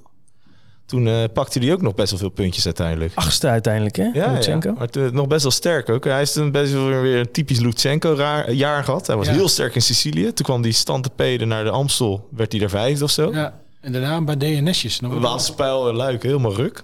Nou, toen kwam hij naar, naar Zwitserland eh, ook eh, afgestapt. Ja, Zwitserland weer afgestapt. Kazachstaans kampioen tijdrijden. Kazachstaans kampioen wegracen. Ja, ik denk dat Lutsenko er wel gaat staan. Maar hij is wel anderhalf miljoen volgens mij. Ja. Nou ja, ehm, ik heb hem nu erin staan. Leuk. Ja. Maar eh, daarom noemde ik hem ook. Ik denk wel eh, serieus dat hij eh, zomaar weer gewoon top 10 kan, eh, kan rijden. Bahrein. Ehm, leuke ploeg. Interessant. Wright, Landa, Mohoric en Bilbao. Ehm, Daniel. Fred Wright, wat verwacht je ervan? Gaat hij meesprinten? Hij heeft niet zoveel indruk gemaakt eh, tot nu toe als, als vorig jaar eh, op mij. Ehm, dus hij zal ongetwijfeld een paar keer meezitten in de ontsnapping. En dan ook wel echt voor de, voor de zegen rijden. Maar of die, eh, nou ja, zijn punten waard gaat zijn, dat, denk- of zijn, zijn aankoopprijs waard, gaat zijn, dat denk ik niet. Ehm, ja, verwacht nog wel een leuke uitslag van hem. Dus eh, op zich heb ik wel zin om hem weer te zien koersen. En ook op niveau te zien koersen. Want hij heeft wel de vorige grote ronde die hij reed echt gekleurd. Eh, maar eh, niet voor elke etappe bij, bij de beste, denk ik. Gaat hij sprinten, denk jij, Thomas? Nou, dat is dus iets wat ik eh, al een paar keer heb gezocht op diverse media, maar ik heb het nog niet gevonden. In, eh in eh Dauphiné sprintte die wel twee keer een beetje half mee, maar er waren ook die eerste twee ritten waren niet helemaal volledig sprints. Ja. Eh, Maxime van Geels bijvoorbeeld ook twee keer top 10. Het is niet echt een massasprinter, zeg maar. Dus eh, daarvoor zou je hem niet per se moeten nemen. Maar als hij zegt, ik ga sprinten... Nou, dan kan je natuurlijk wel ergens 10, 15, tussen de 10 en de 15. Dat zijn wel lekkere puntjes. Maar hoe duur is die? Ja, anderhalf miljoen. Dus Ook, dat ja, is die categorie. heel veel van die mensen in die anderhalf miljoen categorie. Ja, maar als die gaat sprinten, vind ik die ride wel een interessante ja, voor die dan is anderhalf het wel miljoen. een eh, pareltje. Ehm, ja, Landa, 2,5 miljoen. Ja, dat moet ik natuurlijk aan Arjan vragen. Ik wou net zeggen, ik ga er niks over zeggen. Ik wacht uh, Arjen even af. Ik ga Landa nooit meer nemen. Een van de anderen? Nou, ik vind Bilbao wel interessant. Want eh, nou, het is een van de renners, ik heb de statistieken nog eens op nageslagen. eh, met de meeste top 10 uitslagen in, eh, in World Tour etappekoersen de afgelopen jaren. Er zijn weinig renners zo consequent bij de beste, nou, beste vijf zelfs, eh, dan, eh, dan Bilbao. Ehm, maar ja, echt winnen niet. Eh, maar, eh, maar wel altijd consequent hoog in het klassement. is ook maar zo zo'n renner die dan bij de beste zes uiteindelijk kan staan... als er misschien een paar zijn uitgevallen, doorheen zijn gezakt. Uh, dus ik vind uh, Bilbao het overwegen waard. Ik denk dat ik hem wel uh, probeer te nemen in uh, Scorito dit jaar. Ja, dat is ook anderhalf miljoen. Hè? Ook anderhalf miljoen. Thomas, neem jij Bilbao mee? Nee, dat denk ik niet. Ik, uh, ik zou eerder nog... Ik zit met Landa, dus ik even over je vraag nog na te denken. Van ja, hij is wel... Hij rijdt een aardig jaar. Hij reed slechte Dauphiné. En de rest was top, hè? Ja. En voor de rest gewoon drie keer top 10 volgens mij in zo'n kleine koers. En Landa is natuurlijk ook wel iemand die, uh, die dit parcours sowieso moet zien zitten. Weet je, het start in het Baskeland. Er zit amper tijdrijden in. Ja, maar elke kilometer tijd, dat is te veel voor hem. Ja, maar er zijn ja. er maar 22, waarvan er uh, 8 omhoog gaan. 14 kilometer tijdrijden op, op 3000, uh, weet ik hoeveel kilometer. Dit is wel het jaar voor Landa, zeg maar. Ja. elk jaar. het ligt altijd aan iets anders. Ja. Uh, en nu kan het zeker niet meer aan het parcours liggen. Nee, dat klopt. Maar ik, ik bedoel, ook gegeven zijn leeftijd ja. en waar hij nu is in zijn carrière. Als hij iets wil, ja. weet je, er staan 20 miljoen uh, Basken die staan hem uh, naar boven te schreeuwen, die eerste ritten. Ja. Verwacht je dat Bilbao niet voor het klassement gaat? Ik denk dat ze die wel achter de hand houden voor het klassement nog. Alleen die heeft wel, ja, die heeft Bilbao is best wel ziek geweest volgens mij eerder dit jaar al.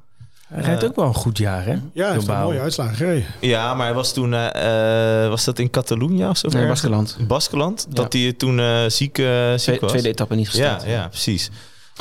ja, en we weten natuurlijk, wat, ik weet niet hoe de persoonlijke verhoudingen in, in Bahrein team waren, maar ja, Gino Meder, het overlijden daarvan, ja, hoe gaat het spelen ja, in de kopjes zeker, van die, ja, van dat, die jongens? Absoluut, dat is eentje om, uh, om zeker, ja, zeker met die etappes waar we het net over hebben gehad, met die afdalingen, ja.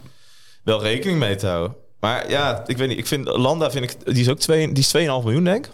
Nou, dat is aan de, aan de prijs, maar aan de andere kant, ja, uh, het is ook wel een, met die korte etappes, weet je wel. Vroeger was ook nog eens een had je van die korte etappes en Landa komt erdoor. Die durven er gewoon in te vliegen na 10 kilometer. Hm. Uh, dus als het werkt, dan werkt het. Maar ja, ik, uh, hij is uh, nog niet afgeschreven bij mij, maar hij staat er niet in. Nee. Bora hebben we vooral Hindley, die in mijn optiek um, tegen een must-have aanschuurt. Uh, rijdt heel stabiel. Um, is er iemand die hem niet heeft? Ik heb hem niet. Je hebt hem niet. Nee. Waarom niet? Nou, ik heb andere keuzes gemaakt. Nee, Nee, ik- ik, heb, ik heb hem nu. eh, ik was wat aan het, eh, toevallig wat aan het klooien vanochtend in mijn team. Toen heb ik hem eens eruit gehad, omdat ik. eh, ik vind een, een, een redelijk goede coureur. Eh, maar ik vind hem nooit echt de echte top, zeg maar. En hij rijdt nu wel heel goed eh, in, de, in de rittenkoers, zeg maar, eh, voorafgaand aan de Tour. Ik heb ook een beetje O'Connor vibes bij hem. Nee ja, ik, ik, ik snap het wel. Want als je. En hij zeg is heel duur. Het is, hij is 3,5 miljoen volgens mij. Nou ja, je kan iets stabieler, net, dat hadden we net natuurlijk eh, ook met de Philipsen over. Je kan wel iets stabieler met je eh, subtoppers omgaan. Hè? Mhm. Dus als je inderdaad voor Landa gaat in plaats van Hindley, heb je weer een miljoen gewonnen. Ja. Eh, kun je nog een, een 2 miljoen nemen in plaats van een 1 miljoen. Dus het zijn wel. Dat ga- zijn ook ja, de. Toch, Dat heb- zijn, toch dat vind ik wel dat je het over andere kwaliteit rennen hebt. Als je afgelopen jaren Hindley ziet, Ja. die, die Giro van vorig jaar, dat hij ja, gewoon in de laatste week Nee, slag slaat. Tuurlijk, Ja. dat klopt hè. Alleen, weet je, die Giro, als je kijkt naar die top 10 en als je kijkt naar wat voor geweld er hier aan de start staat, dat Ja. is wel, Dat is denk wel een ik verschil, wel. ja. En dat moet je bij die klassementsrenners ook altijd wel rekenen. De kans dat ze eerst of tweede worden is natuurlijk niet heel groot. Nee. Eh, Het gaat echt om dat eh om daarachter. Ja, precies. En eh, nou, dus, dus zo zit ik er ook een beetje naar te kijken. Van, ja, wie, eh, hè, dus, en het verschil tussen iemand zes of zeven is, is kleiner dan eerst en tweede. Dus Mhm. als, je dan, eh, als je dan bijvoorbeeld iemand hebt van een miljoen of anderhalf miljoen goedkoper. En je Kan er nog een renner bij. ja. Ik heb dan liever de nummer 7 en 8 dan de nummer Alleen 5. nummer bijvoorbeeld. 5, ja. Dat is een beetje hoe ik dan ook zit. Gedachtegang. Ja. Hey, eh, omwille van de tijd ook. ehm Ja. Meeuws en Van Poppel. Bennett gaat natuurlijk niet mee. Ehm, verwachten we wat van Meeuws? Nou ja, ik vind eigenlijk dat eh Van Poppel verdient een best betere sprinter in zo'n eh, in, de Tour de France. Die eh is gewoon een van de beste lead, lead-outs. We krijgen nu een lead-out die in principe beter is dan zijn sprinter. Nou, in ieder geval in lead-out, ja. Maar hij kan natuurlijk Meeuwis wel op een mooie plek afzetten. Hij heeft ook al laten zien dat hij snel is. Een paar keer achter Van Aert een keer goed gereden in de Dauphiné volgens mij vorig jaar. Vuelta achter, achter Jacobsen een keer tweede geworden. Maar ja, echt consequent bij de beste sprinters nog niet. Eh, maar ze hebben wel vertrouwen in hem. Dus eh, Kan een heuveltje over, hè, Meeuws? Ja. Doen, eh, Arjan? Hij staat er bij mij in. Doen, eh, Thomas? Hij staat er bij mij nu niet in, maar dat komt wel dat ik Peter de Beuker erin heb staan. En die twijfel ik nog een beetje over, maar daar komen we straks op. Ja. Maar ik vind wel, het is wel leuk, want hij is wel gewoon eh, eh, volledig aangewezen als sprintkopman daar. En hij krijgt dus wel gewoon een aantal kansen. Covidis. Hebben we Kokkaar die gaat sprinten? Doen? Ja, die zit dus weer in dat helezelfde clubje met Sagan, met Kevin is, met Christophe, met Meus. Allemaal anderhalf miljoen. Dus ja, weet je, daar is een beetje eh, pick your side. En Kokkaar zou ik nemen omdat hij eh, altijd eh, toch eh, die groene droom nog heeft, zeg maar. En daar nog eens wat puntjes extra meepakt. Ja. Dat is een voordeel ten opzichte van, eh, van anderen. Ehm, dus ja, kan je doen. Zengelen, eh, Daniel? als Kokka er niet meer bij is, mag hij sprinten waarschijnlijk. Ehm, ook snel. Ehm, ik heb ze allebei niet in mijn team op dit moment. Eh, Guillaume Martin, Arjan? Ja, die zit in mijn team. Omdat ik denk dat hij eh, zowel voor een etappe dan wel voor de bolletrui gaat. Ja, ja, ja. ja.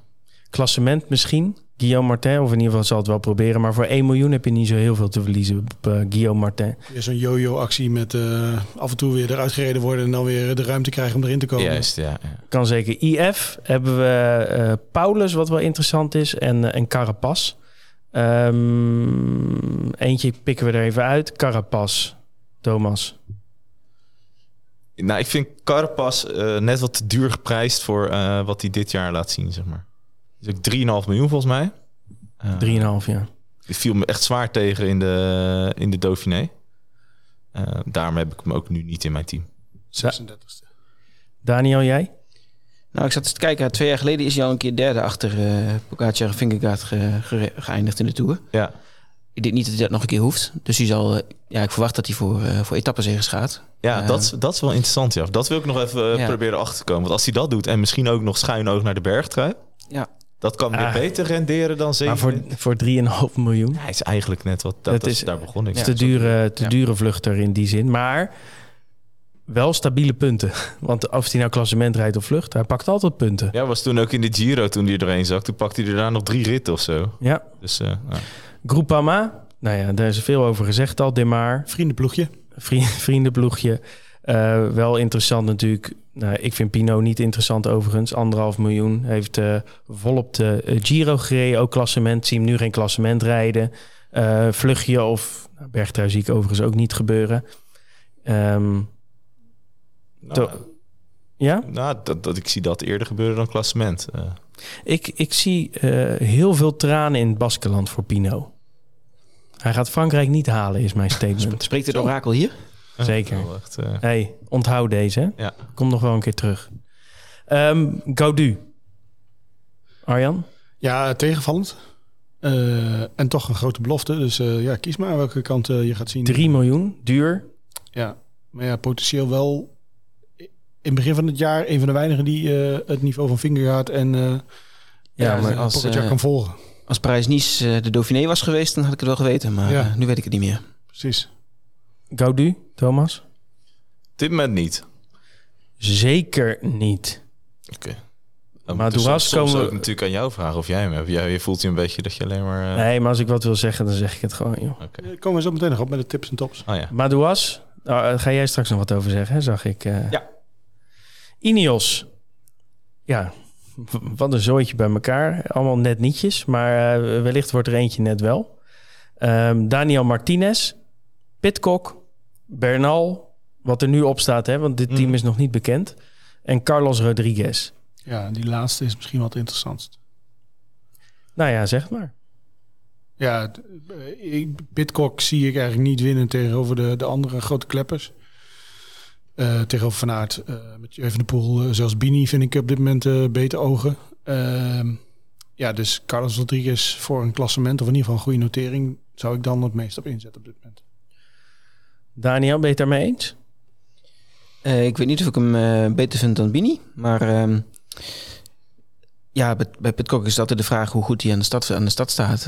Eh Strade Bianca was eh ongeëvenaard eh, Ja, ja, dit ja. jaar. Hij kan zijn zinnen er wel op gezet hebben. Maar goed, hij heeft wel wel andere doelen op de motorbike eh, liggen dit jaar. Ja. Dus eh, ik denk niet dat hij eh alle Philippe van Aert en Van de Poel kan, kan volgen. Thomas? Ik heb Rodriguez als daar, die heb ik er nu al in staan. Ehm, die is op zich aardig geprijsd, vind ik. 2 miljoen.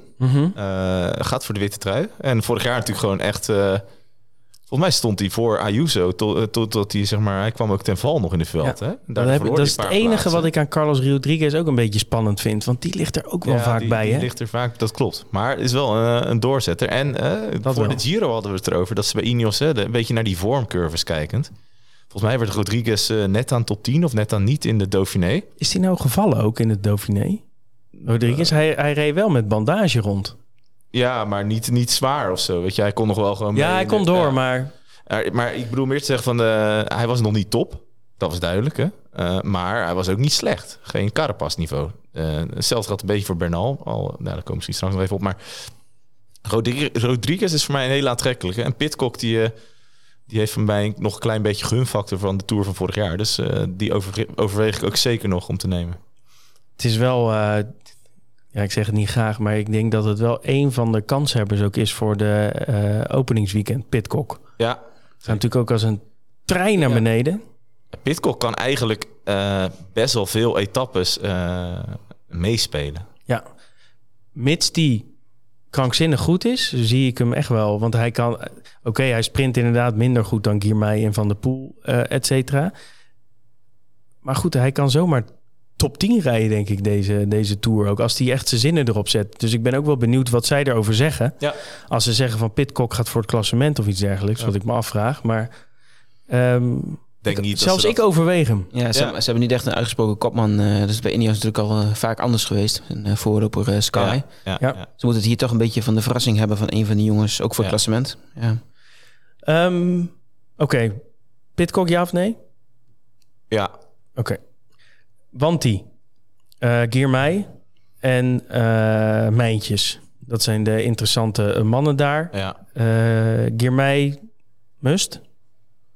Nou ja, geen must. Want hij is denk hij zit dan, je hebt al die anderhalf miljoen sprinters. Hij is 2,5 miljoen. Dus dat is wel weer, weer zo'n miljoentje, weet je wel. Die, want mij is in mijn ogen niet massasprint niveau Jacobsen Philipsen. Dat is wel een stapje daaronder. Kan misschien wel iets meer mee. Maar er zijn niet echt heel veel etappes dat dat eh, echt eh, voordelig is, deze Tour. Ehm, dus geen must-have, maar wel iemand die wel voor hem heeft laten zien. En ik, ik- als voorzitter van de Beanie fanclub eh zal ik hem ook niet ontraden, zeg maar. Nee. Mijntje is wel heel safe, hè? Ja, hele safe bet. Ik denk dat hij dit jaar negende wordt. Oh, dat is verrassend. Ja. Achtste. Ehm, Jumbo-Visma. Nou, die kun je dus eigenlijk allemaal nemen. In principe wel, hè? Mag niet. Maar het, het, misschien het grootste eh, Topic. grootste topic is, eh, is natuurlijk eh, de buik van eh, Sarah de Bie. Ja. Mhm. En de gevolgen, zeg maar, als, eh Voor de als zij van Van Aert, bevalt. Ja.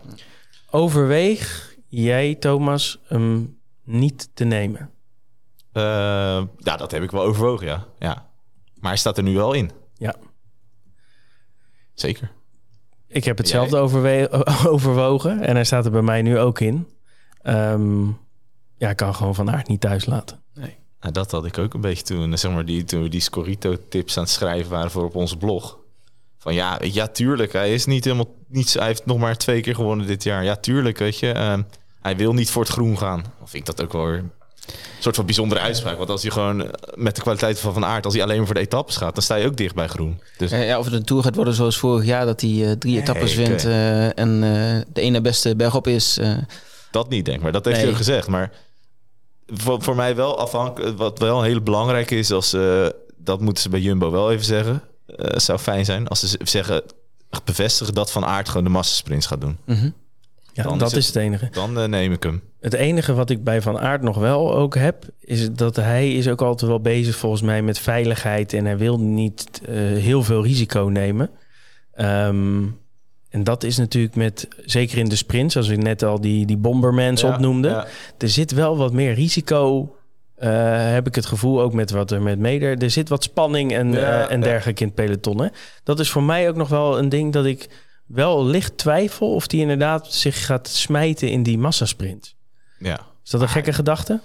Nou, dat wil ik niet direct zeggen, maar ik wil wel de, daartegen inbrengen dan dat het wel een, eh, een veldrijder is. Ja. Echt een, een acrobaat op de fiets. hè. Hij is volgens mij maar één keer uitgevallen toen die tijdrit eh, van de Tijdrit, ja. Dat is zijn laatste DNF, dat is eh, vier jaar geleden. Nee, Ja. precies. Dus hij, eh, ja, het is niet eh, een een, het is geen Sagan, zeg maar, maar hij eh, laat zich ook niet zomaar wegzetten, denk ik. eh. Nee, en, en heb, je, ja, heb je ooit gehoord dat eh, Van Aert zich misdroeg in een, in een sprint? Of, eh, Nee, Van Aert niet, maar het is Nee. meer die andere gasten. Ja, nee, het risico inderdaad. Maar goed, hij is behoorlijk, eh behoorlijk behendig. Heeft iemand anders nog meer dan Van Aert en Vingegaard in zijn ploeg? Ik heb op dit moment eh Gelderman er ook bij staan. Met een klein risico. Dacht ik dus al dat jij Kelderman zou hebben. Ja, jij nam, nee, nam deze Giro Arendsman niet. En dan moet ik eh Ja, moet ik. Nederland Nee, erbij want hebben. Kelderman is leuk, want die is, Ja. die is, die is maar, nou, maar die is, die is 2 miljoen. Dat valt Ja. wel mee. Ik denk Ja. wel dat hij goed gaat zijn. Ja, maar goed, wel, we ja. hebben het even gehad over, eh, over Ben O'Connor en over eh Ja. shoot. Hè? Als toch Shoot. eerst eh, nu, nu Kruiswijk er niet is, is de shoot eh, waarschijnlijk voor Kelderman bij, Ja. eh, bij Jumbo. Dus dat is toch wel eentje eh, die ik wel lastig vind, zeg maar. Niemand Maar- Laporte? Nee.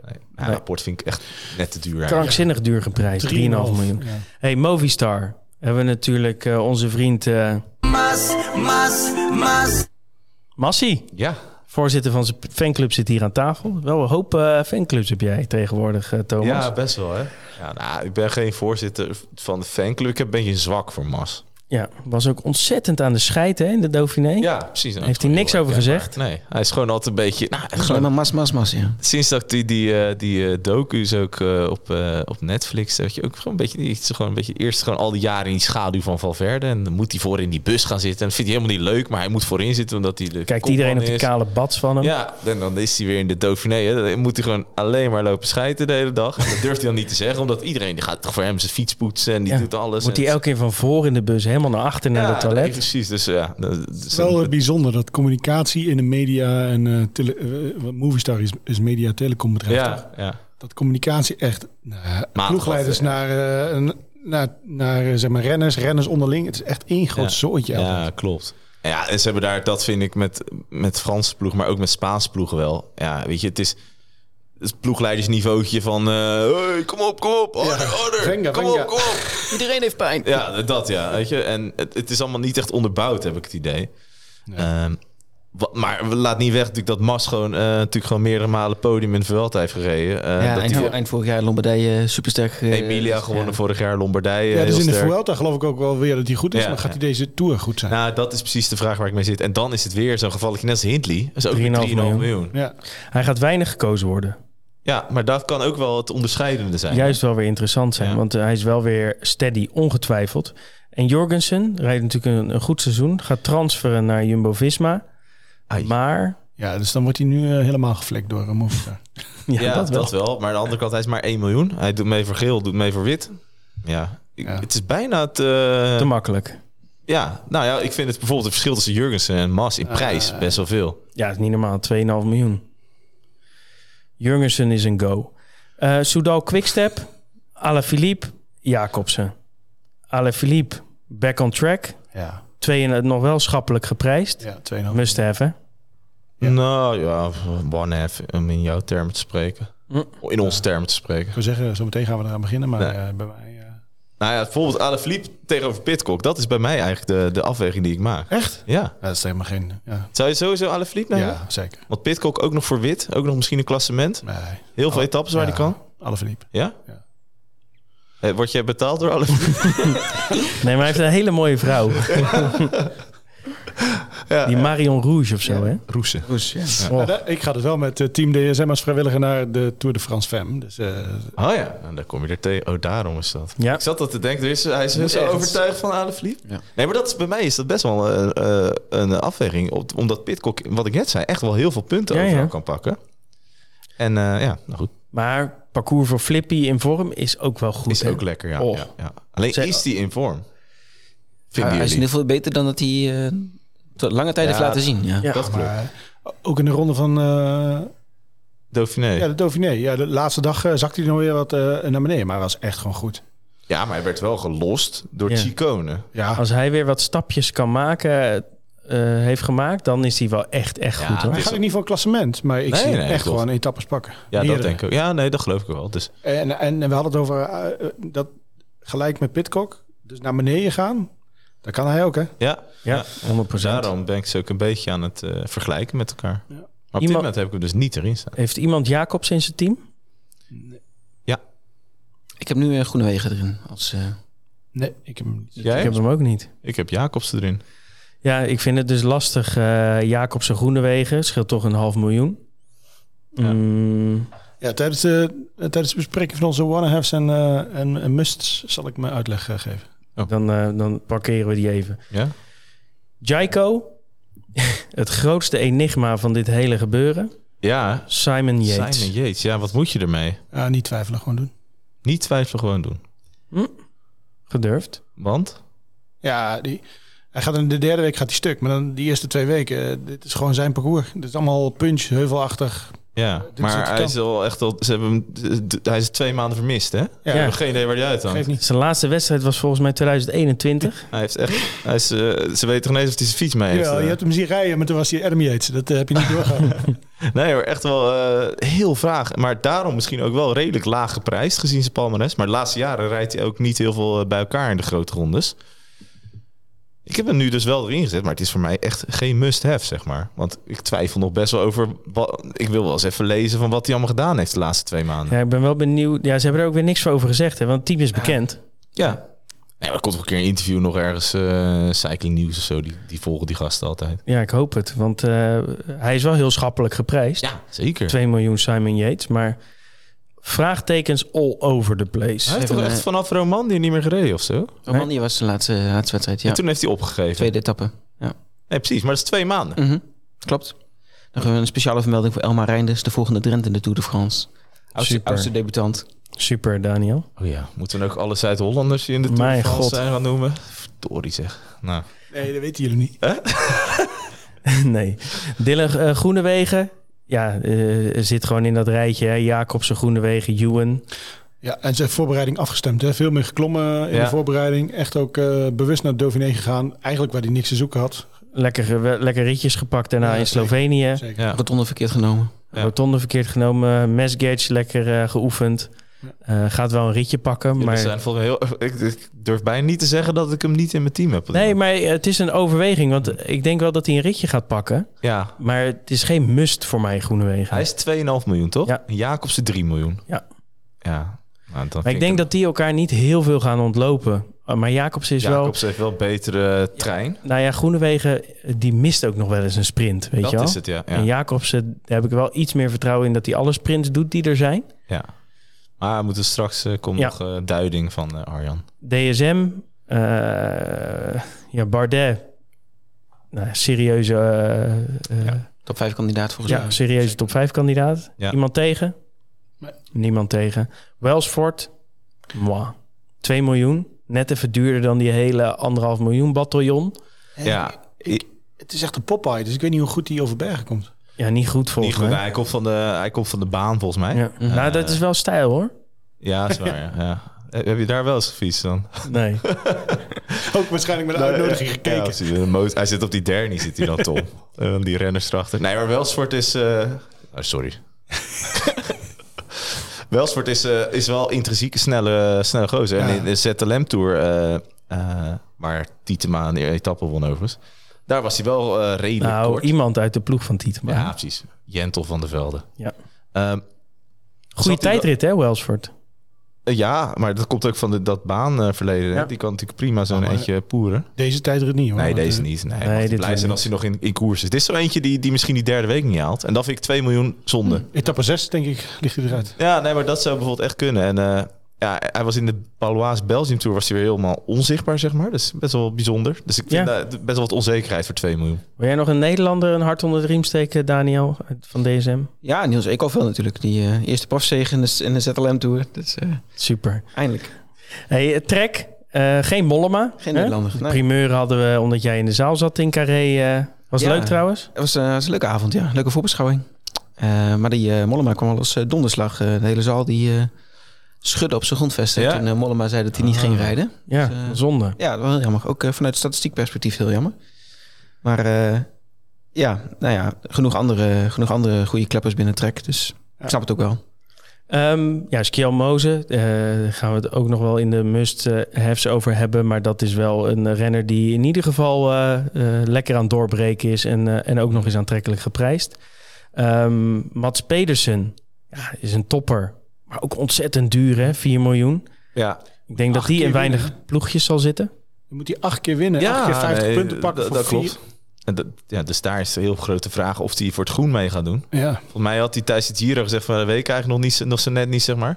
Ik denk dat Pedersen misschien ook met een schuin oog naar dat WK nog kijkt. Oh, die ja. met een schuine oog. Dus die, eh, nou, ik denk dat die, eh, die zal ongetwijfeld een aantal keer eh, top 3 rijden, top 5, weet ik veel wat. Maar Ja. Hij is ook wel door zijn Vuelta vorig jaar best wel gehyped. Ja. Ook Ja. door Scorito nu met zijn punten. Want 4 miljoen, eh, als hij het afzet tegen andere prijzen, is echt gigantisch veel. Ja. Het is net of het echt een eh, alleswinnaar is, maar dat is Als het ook die, ja, maar als je etappe wint, dan zit vier grote ronden achter elkaar in een etappezege. Dat eh, is ook nog niet vaak goed voorgekomen trouwens. Dus, Nee, maar dan komt het dat niemand vier grote rondes achter elkaar rijdt. Nou van ja. hij doet het en hij wint er elke... Ja, nee, het is ook heel knap, hè. Ja. Maar eh, het is Nee, voor, een gebeurt sprint- weinig, voor een inderdaad. sprinter is dat natuurlijk Zo wel goed te doen, zeg maar. Maar dat, ik- dat vind ik wel knap. Maar ik vind 4 miljoen wel... Je kan er wat verschil mee maken als hij wel goed is en je hebt hem. Want niet heel veel zullen hem nemen, denk ik. Ja, dus dat is zo eentje die inderdaad het verschil kan maken. Chicone wordt, gaat, eh, gaat lekker aanvallen. Vind ik dan voor 2 miljoen wel weer een vrij dure aanvaller. Maar goed, je kunt hem overwegen, want hij rijdt op zich prima in de ronde. Ja. UAE, ik denk belangrijkste vraag is daar, neem je een ploeggenoot mee? En wie is dat dan? Is dat dan eh, de goedkopere categorie eh Maika, anderhalf miljoen? Of ga je echt voor eh, eh, vol gas en zet je Adam Yates, Yates ernaast? Wat doe jij, Thomas? Ik zet dan Adam Yates ernaast. Oké, jij Daniel? Op dit moment ook, ja. Jij?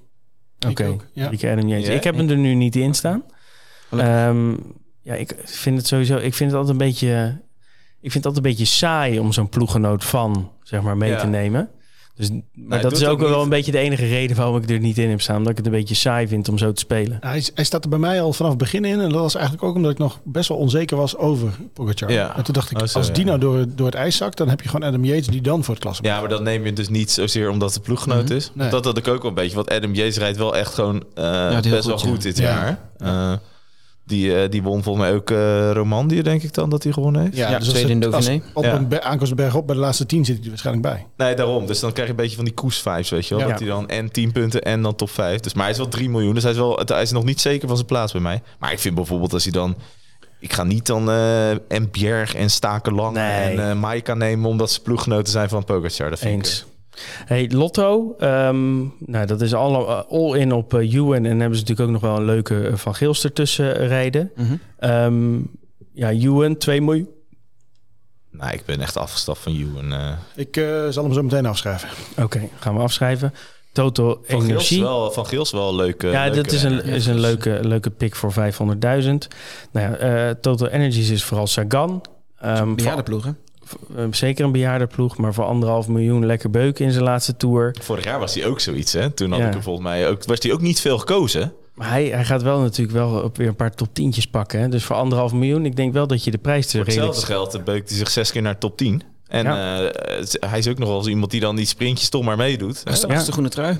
Ja, zeker. Nou ja, eh, Wie weet. Uno X. Persoonlijk vind ik dit wel de leukste ploeg van het hele eh, gebeuren. Ja. Ehm, met die eh, trein, trein of zoiets. Wernskjold. Eh Christophe houdt het nog wel een beetje op, vind ik. Die houdt zeg maar die, die, al die Ja. jonge, jonge Noren. Eh, ik denk als Christophe hier niet bij zou staan, heb je echt een leuke ploeg. Ja. Want dan, ga je, nou ja, dan gaat zo'n Wernskjold meesprinten en, en dergelijke. Dus dat bedoel ik een beetje met dat hij de ja, boel ophoudt. Het is wel goed om erbij te hebben. Het is gezellig. eh, Het is vooral gezellig. Hè? Een beetje die half liters beuken. Die trekt het eerste biertje open s'avonds. Dat sowieso. De helft van die ploeg die mag nog geen bier volgens mij. Maar die anderen die denken van nou, dat is best een mooie gast. Ja, maar met zo'n Tiller, met zo'n Johannessen. Ja. Dat zijn echt wel, het is echt een serieus eh, mooie ploeg. Ja. Staat er iemand in jullie team ook? Tobias Halland. Ja, bij mij dus ook. Oké, jullie oud- gaan allebei. winnaar van de Tour d'Avenir. En ik heb daar ook zitten kijken naar. Hij was in de... Do hè? Hij is lang geblesseerd geweest eh, begin dit jaar, of niet? Johannessen. Ja. Eh, was de andere, denk ik. Andere Tobias, denk ik. Of een andere Johannessen. Full, set, full set, nou zoiets. Eh Johannessen heeft wel wat minder jaar dan dat hij, eh, dat hij vorig jaar had. Ehm, maar hij was in de Dauphiné ergens tussen 10 en 20. Die traan, trein, beter in, die was tiende of zo. Maar ik geloof, ik geloof dus een beetje in de vormcurve van Johannessen. Mhm. En hij doet mee voor de jongere trui. Dat is ook een beetje mijn stokpaardje wel. Maar Mhm. dat kan best stiekem wel wat puntjes opleveren. Dus die staat er nu in voor 750.000 punten. Iemand nog iemand anders van hun? Maar Christophe is, die zit bij mij in de, in de, in de bingo ballenbak van die eh, Van de anderhalf miljoen, ja. Want als die er niet is, dan sprint uh, mee. Dan zou het natuurlijk een no-brainer zijn om die te nemen. Dan is het een no-brainer. Kan ook lekker tijd rijden, hè, die gozer. Ja. Ehm, ja, dan tot slot Israël Premier Tech. Een Teuns. Ja. Op zich een leuke aanvaller, hè, voor Hij reed 700. goed in, eh, in Zwitserland Ja. bergop. Dus, eh, ja. Zijn hart is weer geheeld. Eh, dus 750.000 is best wel eh, oké. Woods, is heel, heel schappelijk geprijsd voor 750.000. Heb je een leuke aanvaller. Die ook eh, wellicht weer voor de bergtrui gaat. Zeker. Ehm, die Corbin Strong. Gaat die sprinten? Kan die sprinten? Wat moeten we daarmee? Wel, hij Kan kan, het wel, wel. eh, redelijk sprinten. Ja. En tenminste, er is sowieso niemand in dit team die het kan. Hij is ook volgens mij de enige onder de 45 die meedoet bij hem. maar hij, doet, hij is echt nog jong. Dus dat is wel geinig. Hij rijdt gewoon met gasten die hadden toch gewoon zijn vader kunnen zijn, volgens mij. Dus dat is Ja. wel eh, komisch. Vugelsang en, en Froome ontbreken nog. Anders was het inderdaad een oude ploeg geweest. Maar, Ja, eh, ja, ja klopt. Ja. Ja. Maar het is, eh, Strong is wel leuke, maar ja, het is niet iemand waar je echt sowieso kan bouwen, zeg maar. Nee. Ehm, ja, we gaan door. We hebben de statistiek op het programma staan, maar ik kijk ook even Benjamin aan. Wil jij al het nagerecht doen omwille van de tijd? Of wil jij, eh, heb je nog even om eh, te zitten? We kunnen, we kunnen gewoon door. Helemaal goed. Trek ze verzesde fles spronkbier ook. Ja, die- Eh, Ja, als je af en toe een hik hoort, Ja, dan, eh, dan is dat is dat, eh, Benjamin. dan is dat Benjamin. Eh, statistieken. Ja, zeker. Die zijn er eh, genoeg eh, van de, over de Tour de France. Laten we beginnen met de uitsmijter. Ehm kwam er pas eh, eh, vandaag achter. Maar vorig jaar wonnen er drie renners eh, in de gele trui. Eh, dat waren eh, Van Aert, eh eh, Pogacar en eh Vingegaard. En dat was de eerste keer ooit dat er eh, drie verschillende, drie verschillende eh klassementsleiders in de Tour een etappe, of een eh, etappe in de gele trui wonnen.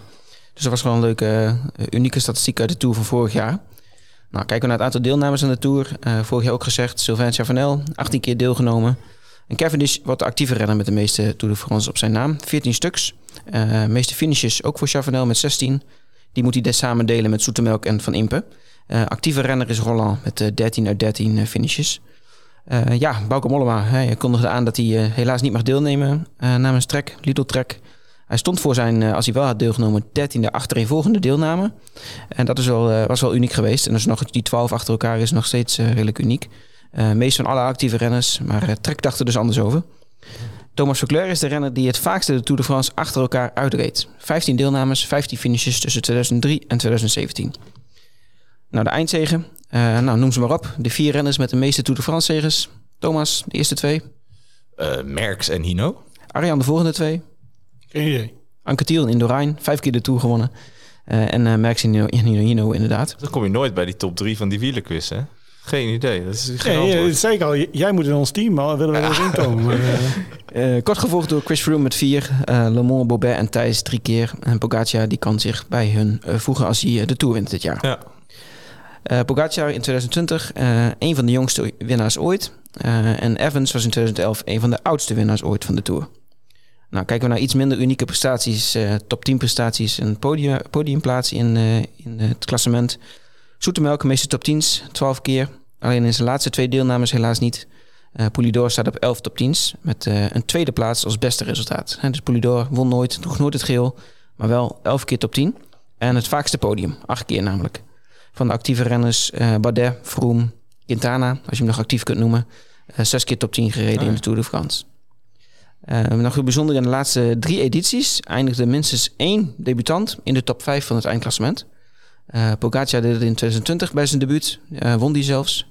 Vingegaard werd tweede bij zijn debuut in 21. O'Connor hetzelfde jaar vierde. En Vlaasov werd vorig jaar bij zijn debuut vijfde.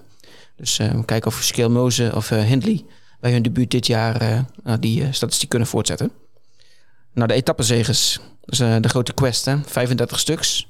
Eh, gaat eh, Cavendish alleen recordhouder worden of blijft hij op 34 staan samen met Eddy? Nou, Cavendish in grote ronde is wel echt het vermelden waard. 17 grote rondes waarin hij aan de stad stond, won hij een etappe. 54 stuks in totaal. Elke grote ronde die Cavendish finishte, won hij ook een etappe. 14 stuks. Ehm, en de, alle grote ronden die hij deelnam sinds 2019, won hij een etappe. Zo. Dat was pas weer in 2021, maar toch? Ja. 2018 eh, voor het laatste, toen in 2021. En eh, vorig jaar elke grote ronde een etappe gewonnen. Pogacar had drie etappenzegers in alle vier de grote ronden die hij reed. Ook eh, die hij reed, is ook redelijk uniek. Ehm, Sagan en Cavendish die wonnen ook eh, meer dan drie keer minstens drie etappes in, eh, in een grote ronde.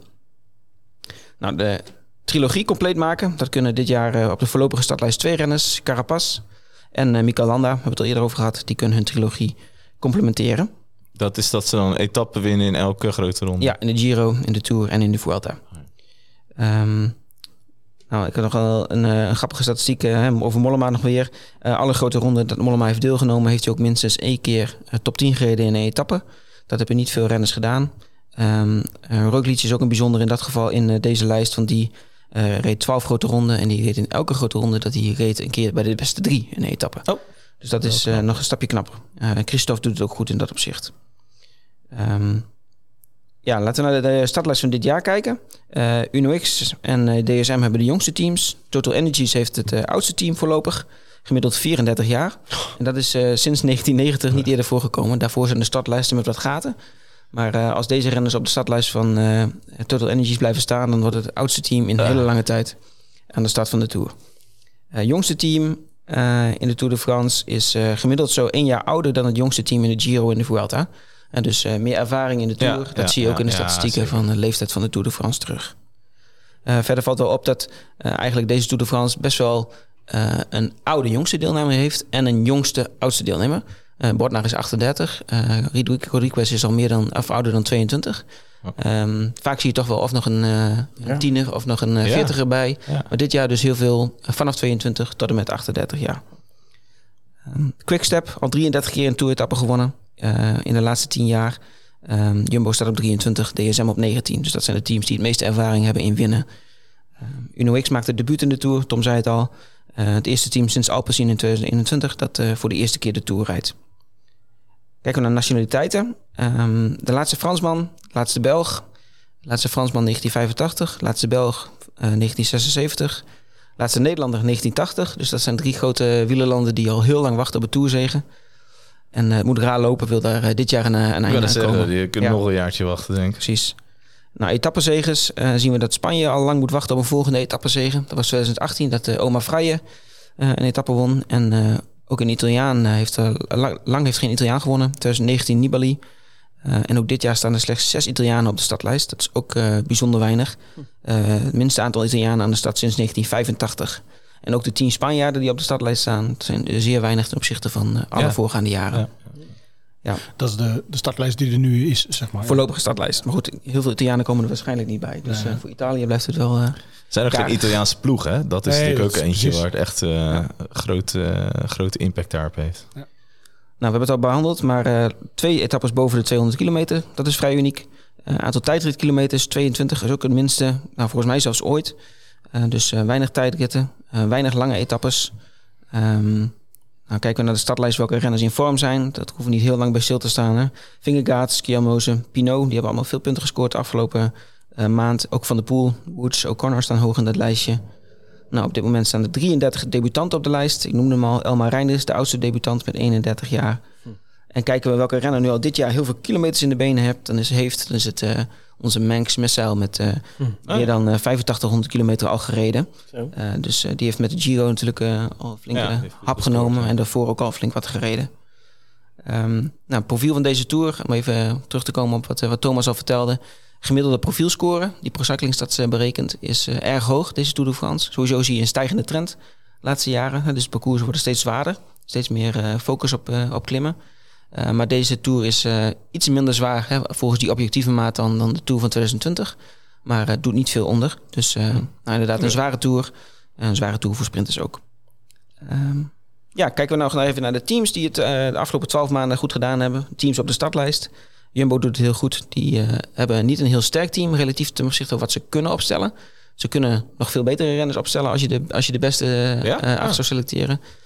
maar wel... ja, oké. Maar wel het meeste punten van, uh, van alle renners. Misschien Olaf Kooi nog. Kooi, Primos, ja. dat soort gasten. Ja. Pogacar doet nog een keer mee voor de witte trui trouwens. Dat is gewoon een leuke uitsmijter. Ja. Uh, die heeft al 54 keer de witte trui ontvangen na een toeretappe. Alleen Ulrich dit had meer, 55 stuks. Dus als Pogacar één uh, witte trui... dat, moet, dat moet lukken, denk ik. Dat, dat komt je denken, buurt, dit jaar. Ja. Oké. Okay. Dat was hem, jongens, voor deze keer. Thanks, Arjan. Ga hem, Arjan, Dankjewel. Daniel. Ga hem ook volgen op Twitter vooral, hè. Stadsontcycling. Mooi Twitter-account. Nieuw logo hè, voor de Tour? Ja, even genoembaar gevraagd of dat misschien uh, ah, logootje wil updaten. Spetterend uit. Um, zullen we naar het nagerecht uh, gaan, uh, Benjamin? Dan wordt de, de microfoon nu kundig door Daniel naar jou toegeschoven. En dan kom jij me toch met een lekker toetje. ik had jullie beloofd dat het natuurlijk easy zou zijn. En wat je volgens mij moet doen als je ook nog daarna lekker wilt chillen of jullie een beetje wielrennen kijken, is gewoon kazen. Niet te ingewikkeld, niet 5, 6, 7 stuks, want dan, dan dat, kan eigenlijk je smaakpalet helemaal niet aan. Wij zouden kiezen voor 2 à 3 of kiezen eens voor 1. En laat nou eens al die zoete dingen, hè, wat mensen vaak erbij doen, honing en appels, zo, laat het nou eens allemaal zitten. Gewoon lekker kaas. Misschien nog een stokbroodje, misschien een toastje, zoiets erbij. Ongelooflijk lekker. Um, eigenlijk drie goede suggesties. Epoisse, Onwijs lekker. Mooie uh, zachte roodschimmel uit uh, het plaatsje Epoisse uit de Bourgogne. Roquefort is altijd goed. Uh, van Papillon vind ik zelf heel erg lekker. Uiteraard uit het plaatsje Roquefort. En uh, Crottin de Chavignol. Een hele fijne witte geitenkaas uit de Loire. Maak het verder gewoon niet te ingewikkeld. Um, uiteraard denk ik als je net die niçoise op tafel hebt... haal dan die kaas alvast uit de ijskast. Kunnen ze mooi op temperatuur komen. Uh, kan je nog net even dat laatste slokje van die lichtgekoelde rode wijn bij die Coco Vin kan je lekker opdrinken. En volgens mij ben je helemaal klaar. Ja, drink je dan nog wat anders ook bij die kaas? Of is dat echt uh, gewoon rode wijn? Zeg kaas is denk ik... Nee, ja, kijk, eigenlijk is kaas het allermoeilijkste om te paren. Je moet eigenlijk dat portverhaal vergeten. Want die port is eigenlijk veel te sterk. En dat is zoet en vol en veel alcohol. En eigenlijk proef, ja, dan, dan proef je niet zoveel.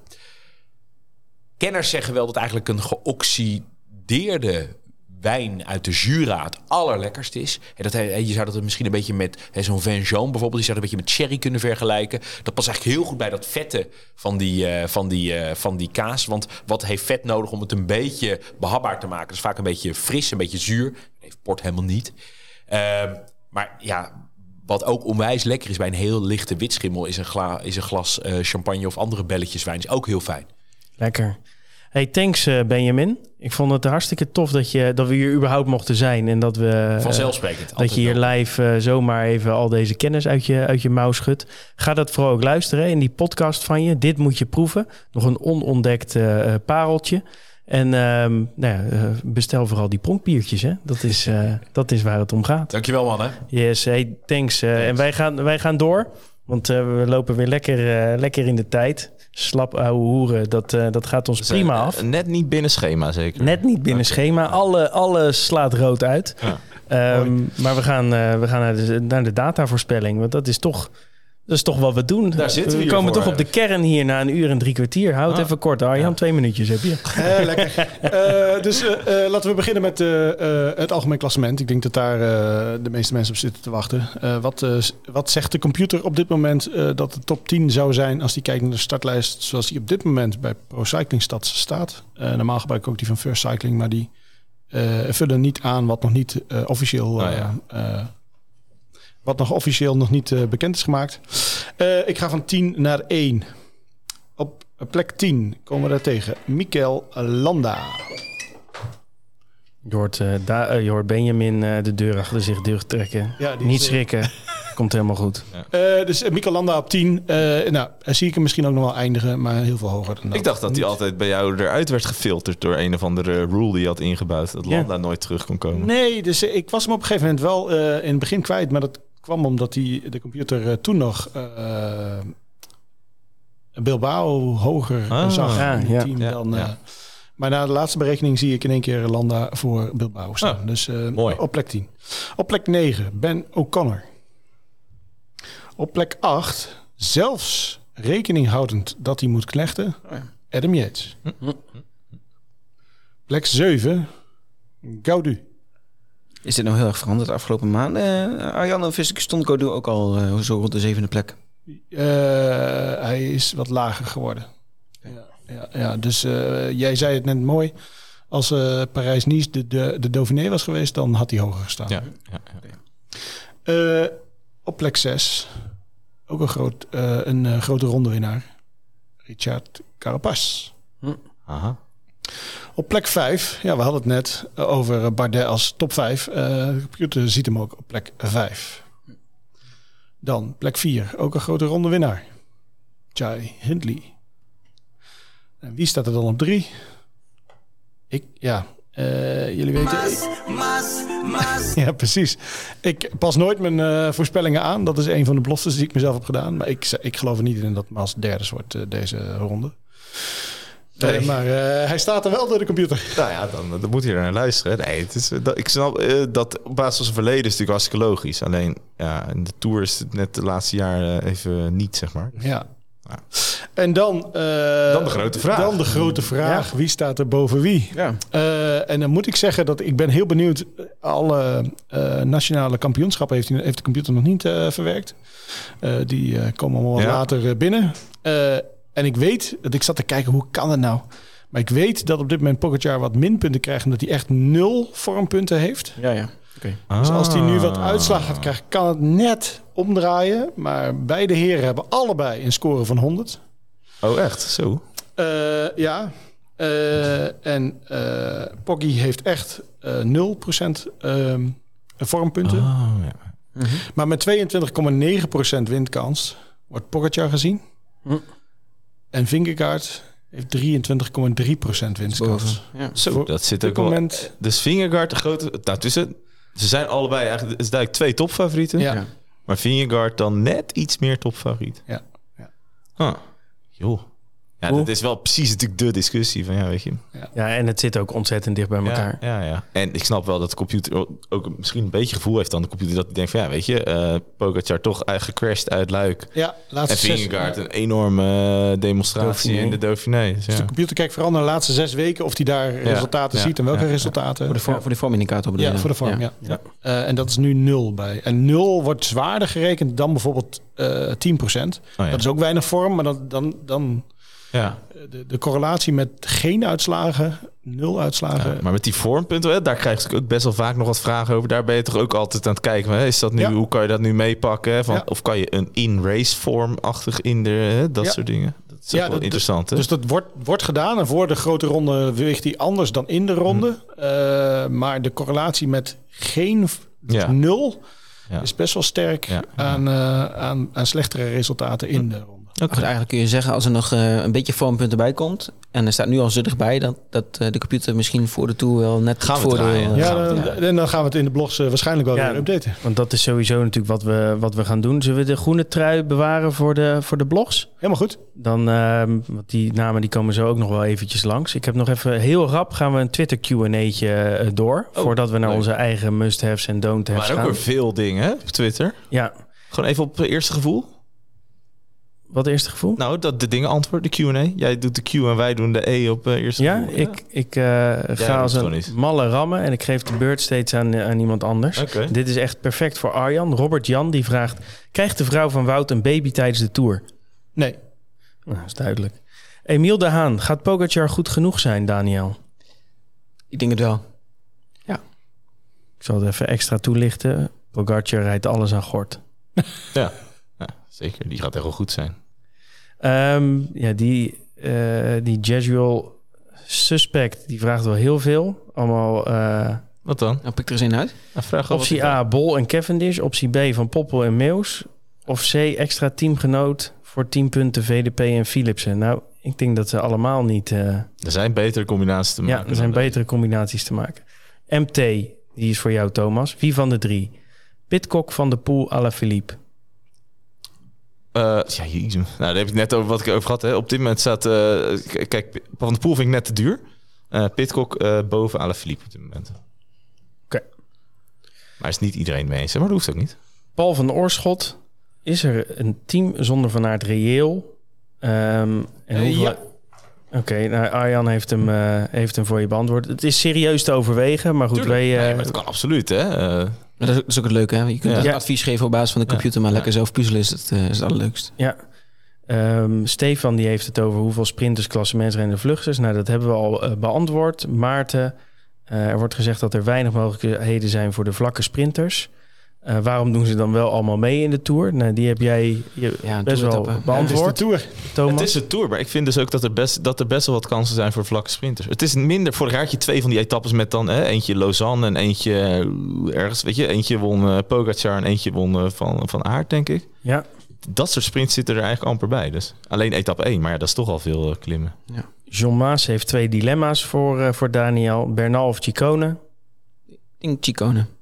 Martin of Martin of Jurgensen? Ik vind Jurgens heel, heel interessant.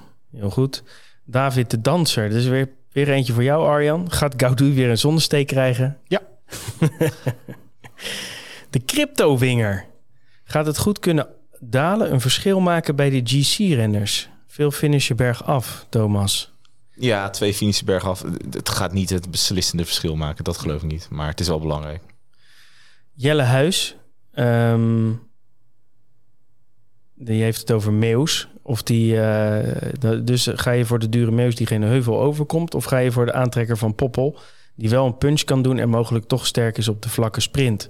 Dus eigenlijk, wie van de twee moet je nemen? Meus of Van Poppel? Ik vind dat de Meeuws best wel over heuvels komt, als ik eerlijk ben. Jawel. En ik denk- ook dat eh Van Poppel die is een beetje klaar met het sprinten volgens mij. Ja. Dus die gaat niet meer zelf eh, heel erg zijn best doen voor ik denk als je daar, ik zou daar wel voor Meus kiezen als je ruimte hebt in je, in je budget.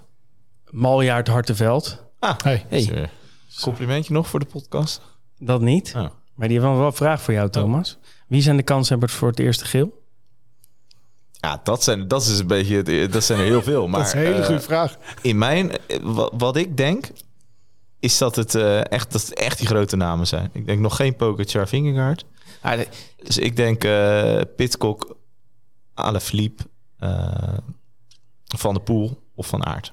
Hm. Die vier. dat, ja, ik heb de statistieken niet genoemd, maar de startlijst van de Tour is elk jaar zo 50% sterker dan eh, alle andere koersen. Ja. Dus eh dat, dat maakt de Tour ook zo leuk volgens mij. Dat, eh, dat juist in dit soort etappen, ja, iedereen wil het geel. En dan maken heel veel mensen, heel veel goede renners kans Ja. op het geel. Ja, ik denk dus dat Pogacar en Vingegaard, die hoeven niet per se dat geel al, denk ik. Maar Hey, en eh, eh, daar hebben we het nog niet over gehad, maar volgens mij eh, gaan we vrijdag nog een podcastje opnemen, ook met de eerste ja. etappe. Eh, dus Bij deze Thomas. ja, ik kijk jou ook aan, Thomas. Ja, ja, je kijkt me heel indringend aan. Eh, gaan we regelen. Gaan we regelen. Matthew, tot slot. Wie gaat de sprinten voor Jumbo, Daniel? Van Aert. Moet Ineos niet lekker op het strand gaan liggen? Lekker. Is een dubbel kopmanschap een absolute must voor GC? Nou, het is misschien die discussie tussen eh, vorig jaar uh, Vingegaard uh, en uh, Roglic Oh, versus uh, Poggi. ja. Ja. Eh, dit, dit jaar zou je kunnen stellen dat je met Adam Yates en Poggi uh, Vingegaard kan slopen. Kan, maar eh, De rest van het team. weet je, het rest van het team is natuurlijk heel sterk bij Jumbo. En Kelderman moet je ook niet zomaar afschrijven, denk ik. Nee. Er was ook nog een vraag eh, over dat Ineos. Eh, van ja, wat je, daar hebben we het denk ik veel vaak over gehad al. Ja, ik weet niet, lastig. Bernal hebben we nog niet echt benoemd. Maar ik denk Bernal, ja... Ik vind dat het, hij heeft nog niet echt bewezen dat hij nu zijn plaats al nu al waard is. zeg maar. Nee. Dus, Is ook nog niet definitief bekend, hè? Want eh, er zijn wel geruchten dat hij wel gaat. dat hij wel gaat hoor. Maar ik zou bij Ineos zou ik, eh, ik denk Rodriguez en Pitcock dat die bij mij dat dat die er snelst in zullen staan. Martinez vind ik altijd tegenvallen in de tour. Eh, en Bernal vind ik nog niet op het niveau zeg maar als je de Ineos Ja. eh, gradaties.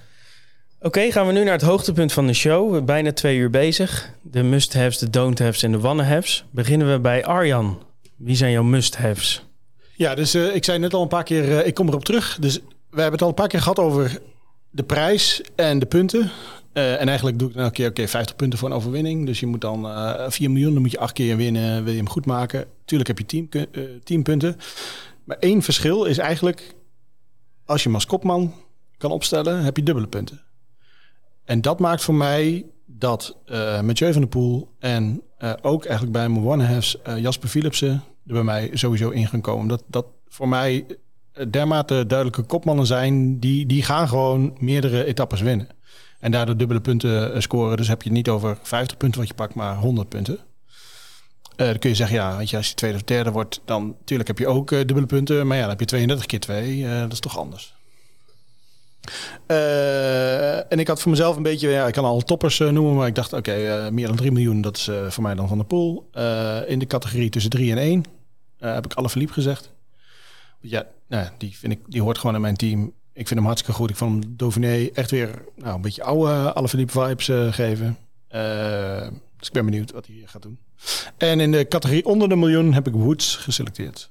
Nou ja. Ja, zeer aantrekkelijk. Don't-haves van jou? Ja, eh, dus als je zeker ervan bent dat eh Philipsen eh, vaker de kopman kan zijn en ofwel denk ik Philipsen ofwel Jacobsen in de vlakkere sprints gaat winnen, vind ik Van Aert met zijn 5 miljoen te duur om hem te rechtvaardigen. Ja, als Jonas in de gele trui gaat staan, gaat hij ook veel punten daaruit krijgen. Maar ja, dat is zo'n coinflip met uh, dat ik niet zeker weet dat daar de punten uitkomen. Dus daarom vanuit uh, waard vanuit een uh, don't have. Hm. Uh, ik heb de Gaudu of Ewan uh, gezet. Nou, eh, bij deze Ewan uh, absoluut afblijven. Okay. Ik zie hem weer crashen in een van de eerste etappes. dat gaat niks worden.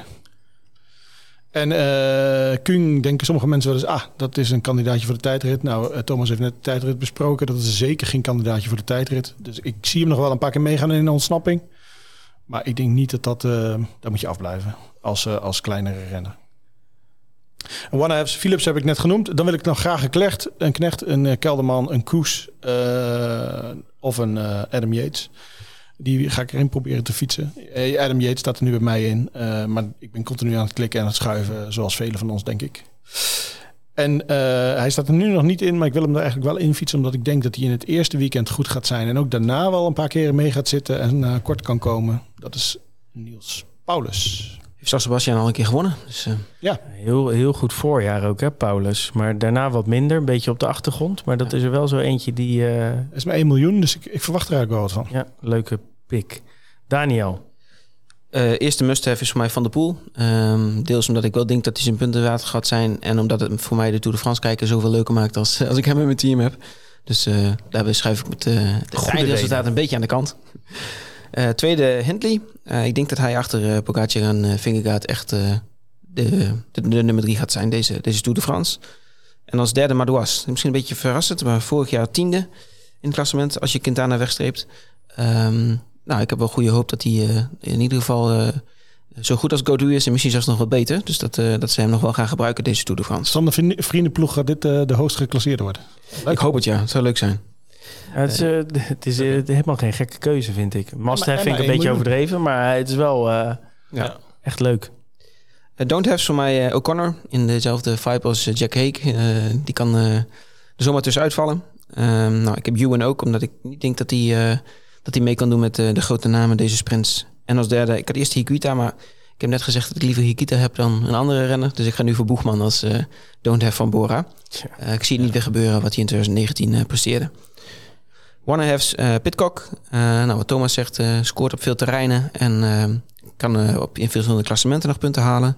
Chicone voor mij ook. ja, ik vind het gewoon een leuke renner. En nou, die mag het wel gaan doen voor, voor Trek wat mij betreft. En we hebben ook al eerder genoemd van Gils is voor mij ook echt de one half. En ja, misschien bijna wel een must-have. die uit het voorjaar heel sterk als een van de weinigen. Drie keer goed in, in het Ardense, Ardense voorjaar. Maar 500. En maar 500.000, dus die komt bij mij in mijn team. Ja, alleen wanneer stel je zo'n gast op? Hè? Dat heb ik altijd een beetje. Bij Van Geels, ja, klopt. Uh, overgangsritten. Ja, openingsweekend. Maar goed, als je 500.000 over hebt, is dat de man uh, to ja. take. Ja, openingsweekend ga je hem denk ik ook niet, zo, niet zomaar... Die eerste rit ga je hem dan niet zomaar opstellen. Denk. Want dan zet je in principe of je klassementsman ja. of je beukers als Van de Poel en zo erin. Maar goed, als, ja. als een pelotonnetje aankomt waar Van Geels bij zit... dan denk ik dat hij voor een klassering wel... Uh, voor goede nee, klassering hij, wel kan, zo, zo, hij kan sowieso aardig rijden. Maar stel hem maar eens op boven die andere toppers. Ja, dat klopt. Oké. Okay. Thomas? Ja, ben ik? Ja, goed. Oké. Okay. Uh, nou, vogelvlucht dan. Jacobsen als must-have. Uh, 3 miljoen is in mijn ogen uh, samen met Philipsen de beste sprinter. Dus Philipsen die vond ik te, te, must, te logisch om hier te noemen. Dus daarom Jacobsen. Ja, dus je hebt Philipsen, Jacobsen en dan Grut. Nou, andere must-have van aard. Ja, oké, okay, als sprinter. Ja. ja. als sprinter. Dus, drie toppers. Drie toppers, drie van anderhalf miljoen en hopelijk één kleintje. Maar die heb ik nog niet gevonden. Dus moet nee, dat is lastig hè? Ja. Uh, van aard als must-have. Ja, weet je, van aard, tuurlijk. Uh, er zal van alles zijn, maar ik geloof echt dat hij zijn hoogvorm bereikt. Adam Yates, ook als must-have. Uh, zowel voor de 10 punten geel, 10 punten wit... als volgens mij ook gewoon eigen prestatie. Don't have Ewan, dat is denk ik al vaak gezegd... zal best wel een keer uh, goed eindigen. Pak misschien een etappe, maar ja... bij Lotto scores ook nooit 10 punten. Dus dat is ook altijd heel irritant. En nou, is het net niet. Bernal net gezegd, vind ik nog te, te prematuur om nu te nemen voor 2 miljoen. Carapaz is volgens mij te, te duur geprijsd. Dus Ewan, Bernal en Carapaz als don't have. One has Van de Poel, uh, dat gaat me tot zaterdagochtend uh, bezighouden, weet ik zeker. Uh, ik wil hem heel graag hebben, maar dan moet er een andere sneuvelen, zeg maar. Dus daar ga ik even heel hard over nadenken. Mas, hetzelfde verhaal, is net wat te duur geprijsd om er sowieso in te zetten. Maar ja, dus ik denk eigenlijk dat ik hem niet ga nemen. Maar ik zou hem wel nog graag ergens een gaatje voor willen vinden. Simon Yates staat er nu wel in. Uh, die blijft er in principe ook in. Tenzij er nu uh, allemaal dingen komen dat hij echt uh, een beetje Sagan-stijl in het off-season is geweest. Maar dat geloof ik eigenlijk niet. Dus die ook er maar als one-F. En jij, Tom? Ja, hier hebben we allemaal op gewacht. Ja. Um, Bedankt voor het luisteren. Ja. Mijn must-haves. Ik heb uh, net uh, nog even gewisseld, want ik ben wel een beetje gaan denken over Ala Philippe. Twijfel nog wel een beetje, dus het is meer een one-have voor mij. Uh, ik heb op één gewoon Pogacar staan, omdat ik ook wel... Ik heb wel wat podcasts ook geluisterd. En er zijn mensen die denken van... kunnen we misschien wel zonder Pogacar? Ja? Want er zijn wat... Ja, ze hebben het een beetje over zijn, over zijn pols. En ja. gaat het allemaal wel zo goed zijn? Maar ik denk dat Pogacar met vlag en wimpel deze Tour gaat winnen ook. Er zijn echt ook wel omstandigheden die daar ook wel aanleiding toe geven om dat te denken. Eerst is, hij laat zich nooit zo vol vorig jaar. Dat die grootheidswaanzin die hij toen heeft gehad. Vorig jaar was de hele ploeg met COVID eruit. Ja. Er zijn nu maar twee keer finish boven de 2000 meter. Dus ze zijn niet echt Alpenreuzen. Ja. En waarschijnlijk gaat het beslist worden in de Vergezen. En dat is echt bij, voor, echt bij uitstek terrein voor uh, Pogacar. Niet al te hoog. Ja. wel 7, 8 kilometer. En uh, mensen zijn wel heel snel vergeten hoe hij tekeer ging dit voorseizoen. Zeker. Um, en inclusief de showdown met Vingegaard in Parijs-Nice. Zeker. Ja. Waarin hij ook speelde letterlijk met, met Vingegaard. Dus voor mij is er gewoon maar één absolute tourfavoriet. En dat is Pogacar. Ja. Um, tweede is Girmay. Uh, dramatisch voorseizoen. Ik uh, Had jij hem toen? kan erover meepraten. Want uh, ik heb me wel groen en geel geërgerd aan Girmay. Past ook wel bij zijn outfit.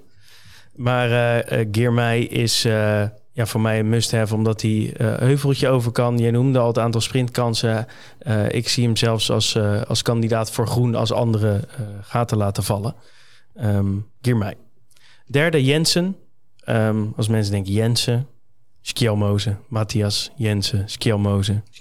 Hij is nog niet genoemd eh, bij de andere, maar anderhalf miljoen voor iemand die zo eh, in vorm is, eh, goed kan punchen. Ja. Let ook op hem in het eh, openingsweekend. Witte trui. Eh, witte trui, voor mij een absolute must voor anderhalf miljoen. Don't have's, Martinez, spreekt wel een beetje voor zich. 2 miljoen, veel te duur. Zelfs als het een miljoen zou zijn, had ik hem waarschijnlijk niet genomen. Eh, Mats Pedersen, toprenner. Helaas wel te duur, 4 miljoen. Dat kun je gewoon niet eh, verkopen in je ploeg. Tenzij je echt een soort van eh, all-in gaat en wat Thomas zei, eh, wil gokken. Eh, en Laporte, eh, zelfde ook een hele, hele goede renner. Maar heeft zijn kruimels al gekregen in het, in het voorjaar. Ehm, ja, gaat niet de eerste sprinter zijn van Jumbo. Gaat misschien een etappe pakken, maar 3,5 miljoen is echt te veel geld. Ja, Wanne heeft toch Pitcock. Oh. Ehm, en dat is ook omdat ik hem inderdaad... eh, ik zie hem zo eh, een heel goed openingsweekend eh, rijden. Misschien zelfs wel winnen slash geel pakken. Ehm, ja, in principe kan hij op elk terrein uit de voeten. Vorig jaar ook nog wel een aardig klassement gereden. Ik wacht nog wel heel even de, de persberichten zeg maar af. Maar Pitcock is eigenlijk overal net niet. Maar hij doet wel overal mee. Ehm, dus overweeg hem serieus. Ook om me iets minder aan hem te ergeren waarschijnlijk. Tenzij de, die er niks van bakt. Dan zullen jullie het wel terug horen. Ja, lekker. Tweede is Carlos Rodriguez. 2 miljoen. Ehm, in mijn optiek van Ineos wel de meest interessante. Vliegt ook nog een beetje onder de radar bij iedereen. Eh, maar is wel echt serieus goed. Vorig jaar bij zijn debuut 7 in de Vuelta. Wit, volgens mij ook nog. Carlos Rodriguez. Zeker, zeker. zeker. Is de jongste deelnemer. Ja. Oh, zelfs de jongste deelnemer. Hij en Pitcock, hè? Pitcock ook wit. Ook wit. Dus dat is een interessante duo van de Ineos eh, strandgangers. En de derde one-half is inderdaad Adam Yates. Eh, zei het net ook al dat ik wel... Ik vind het een beetje altijd lafjes om met zo'n eh, ploeggenoot van. Maar ja, het is wel lastig om zonder Adam Yates eh, te gaan. Als je die vorm ziet, als je zijn uitslagen ziet... als je Ja. Pogacar in je ploeg hebt waarvan ik net zeg... dat hij alles aan gort gaat rijden... ja, dan is Adam Yates wel eh, een punten, eh, een puntenslurper. Ja, ze zullen hem waarschijnlijk ook gewoon lang in het klassement willen houden op de een of andere manier. Denk ik. Ja, dat denk ik, eh, dat denk ik ook. Ehm, Jack Hake in de Tour, selectie bekend, zie ik door Daniel getikt. Ja. Nou, dan gaan we die nemen, denk ik, met z'n allen. En eh, ook Nikias Arndt. En dat is dan de derde renner die eh etappen in alle grote ronden kan winnen. Als hij Tour de France een etappe wint. Dat is En Wout Mooie aanvulling nog. En rijdt. Ja. En eh Wright, Ook.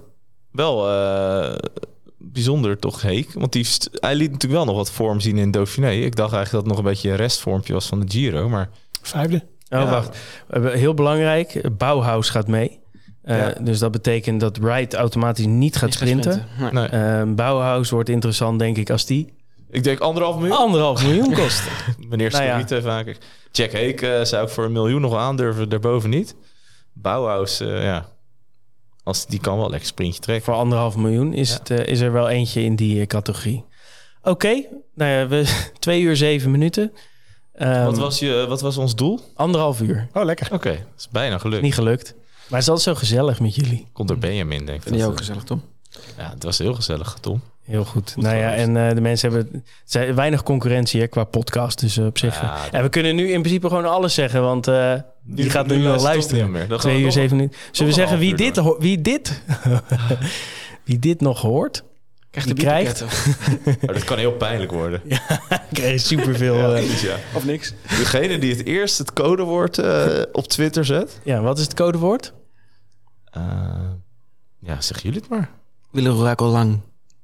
Wielerorakel lang? Ja. Oké, wielerorakel lang is het codewoord. Of heb je nog een betere, Nee, ik Thomas? vind het heel goed. Wielerorakel lang.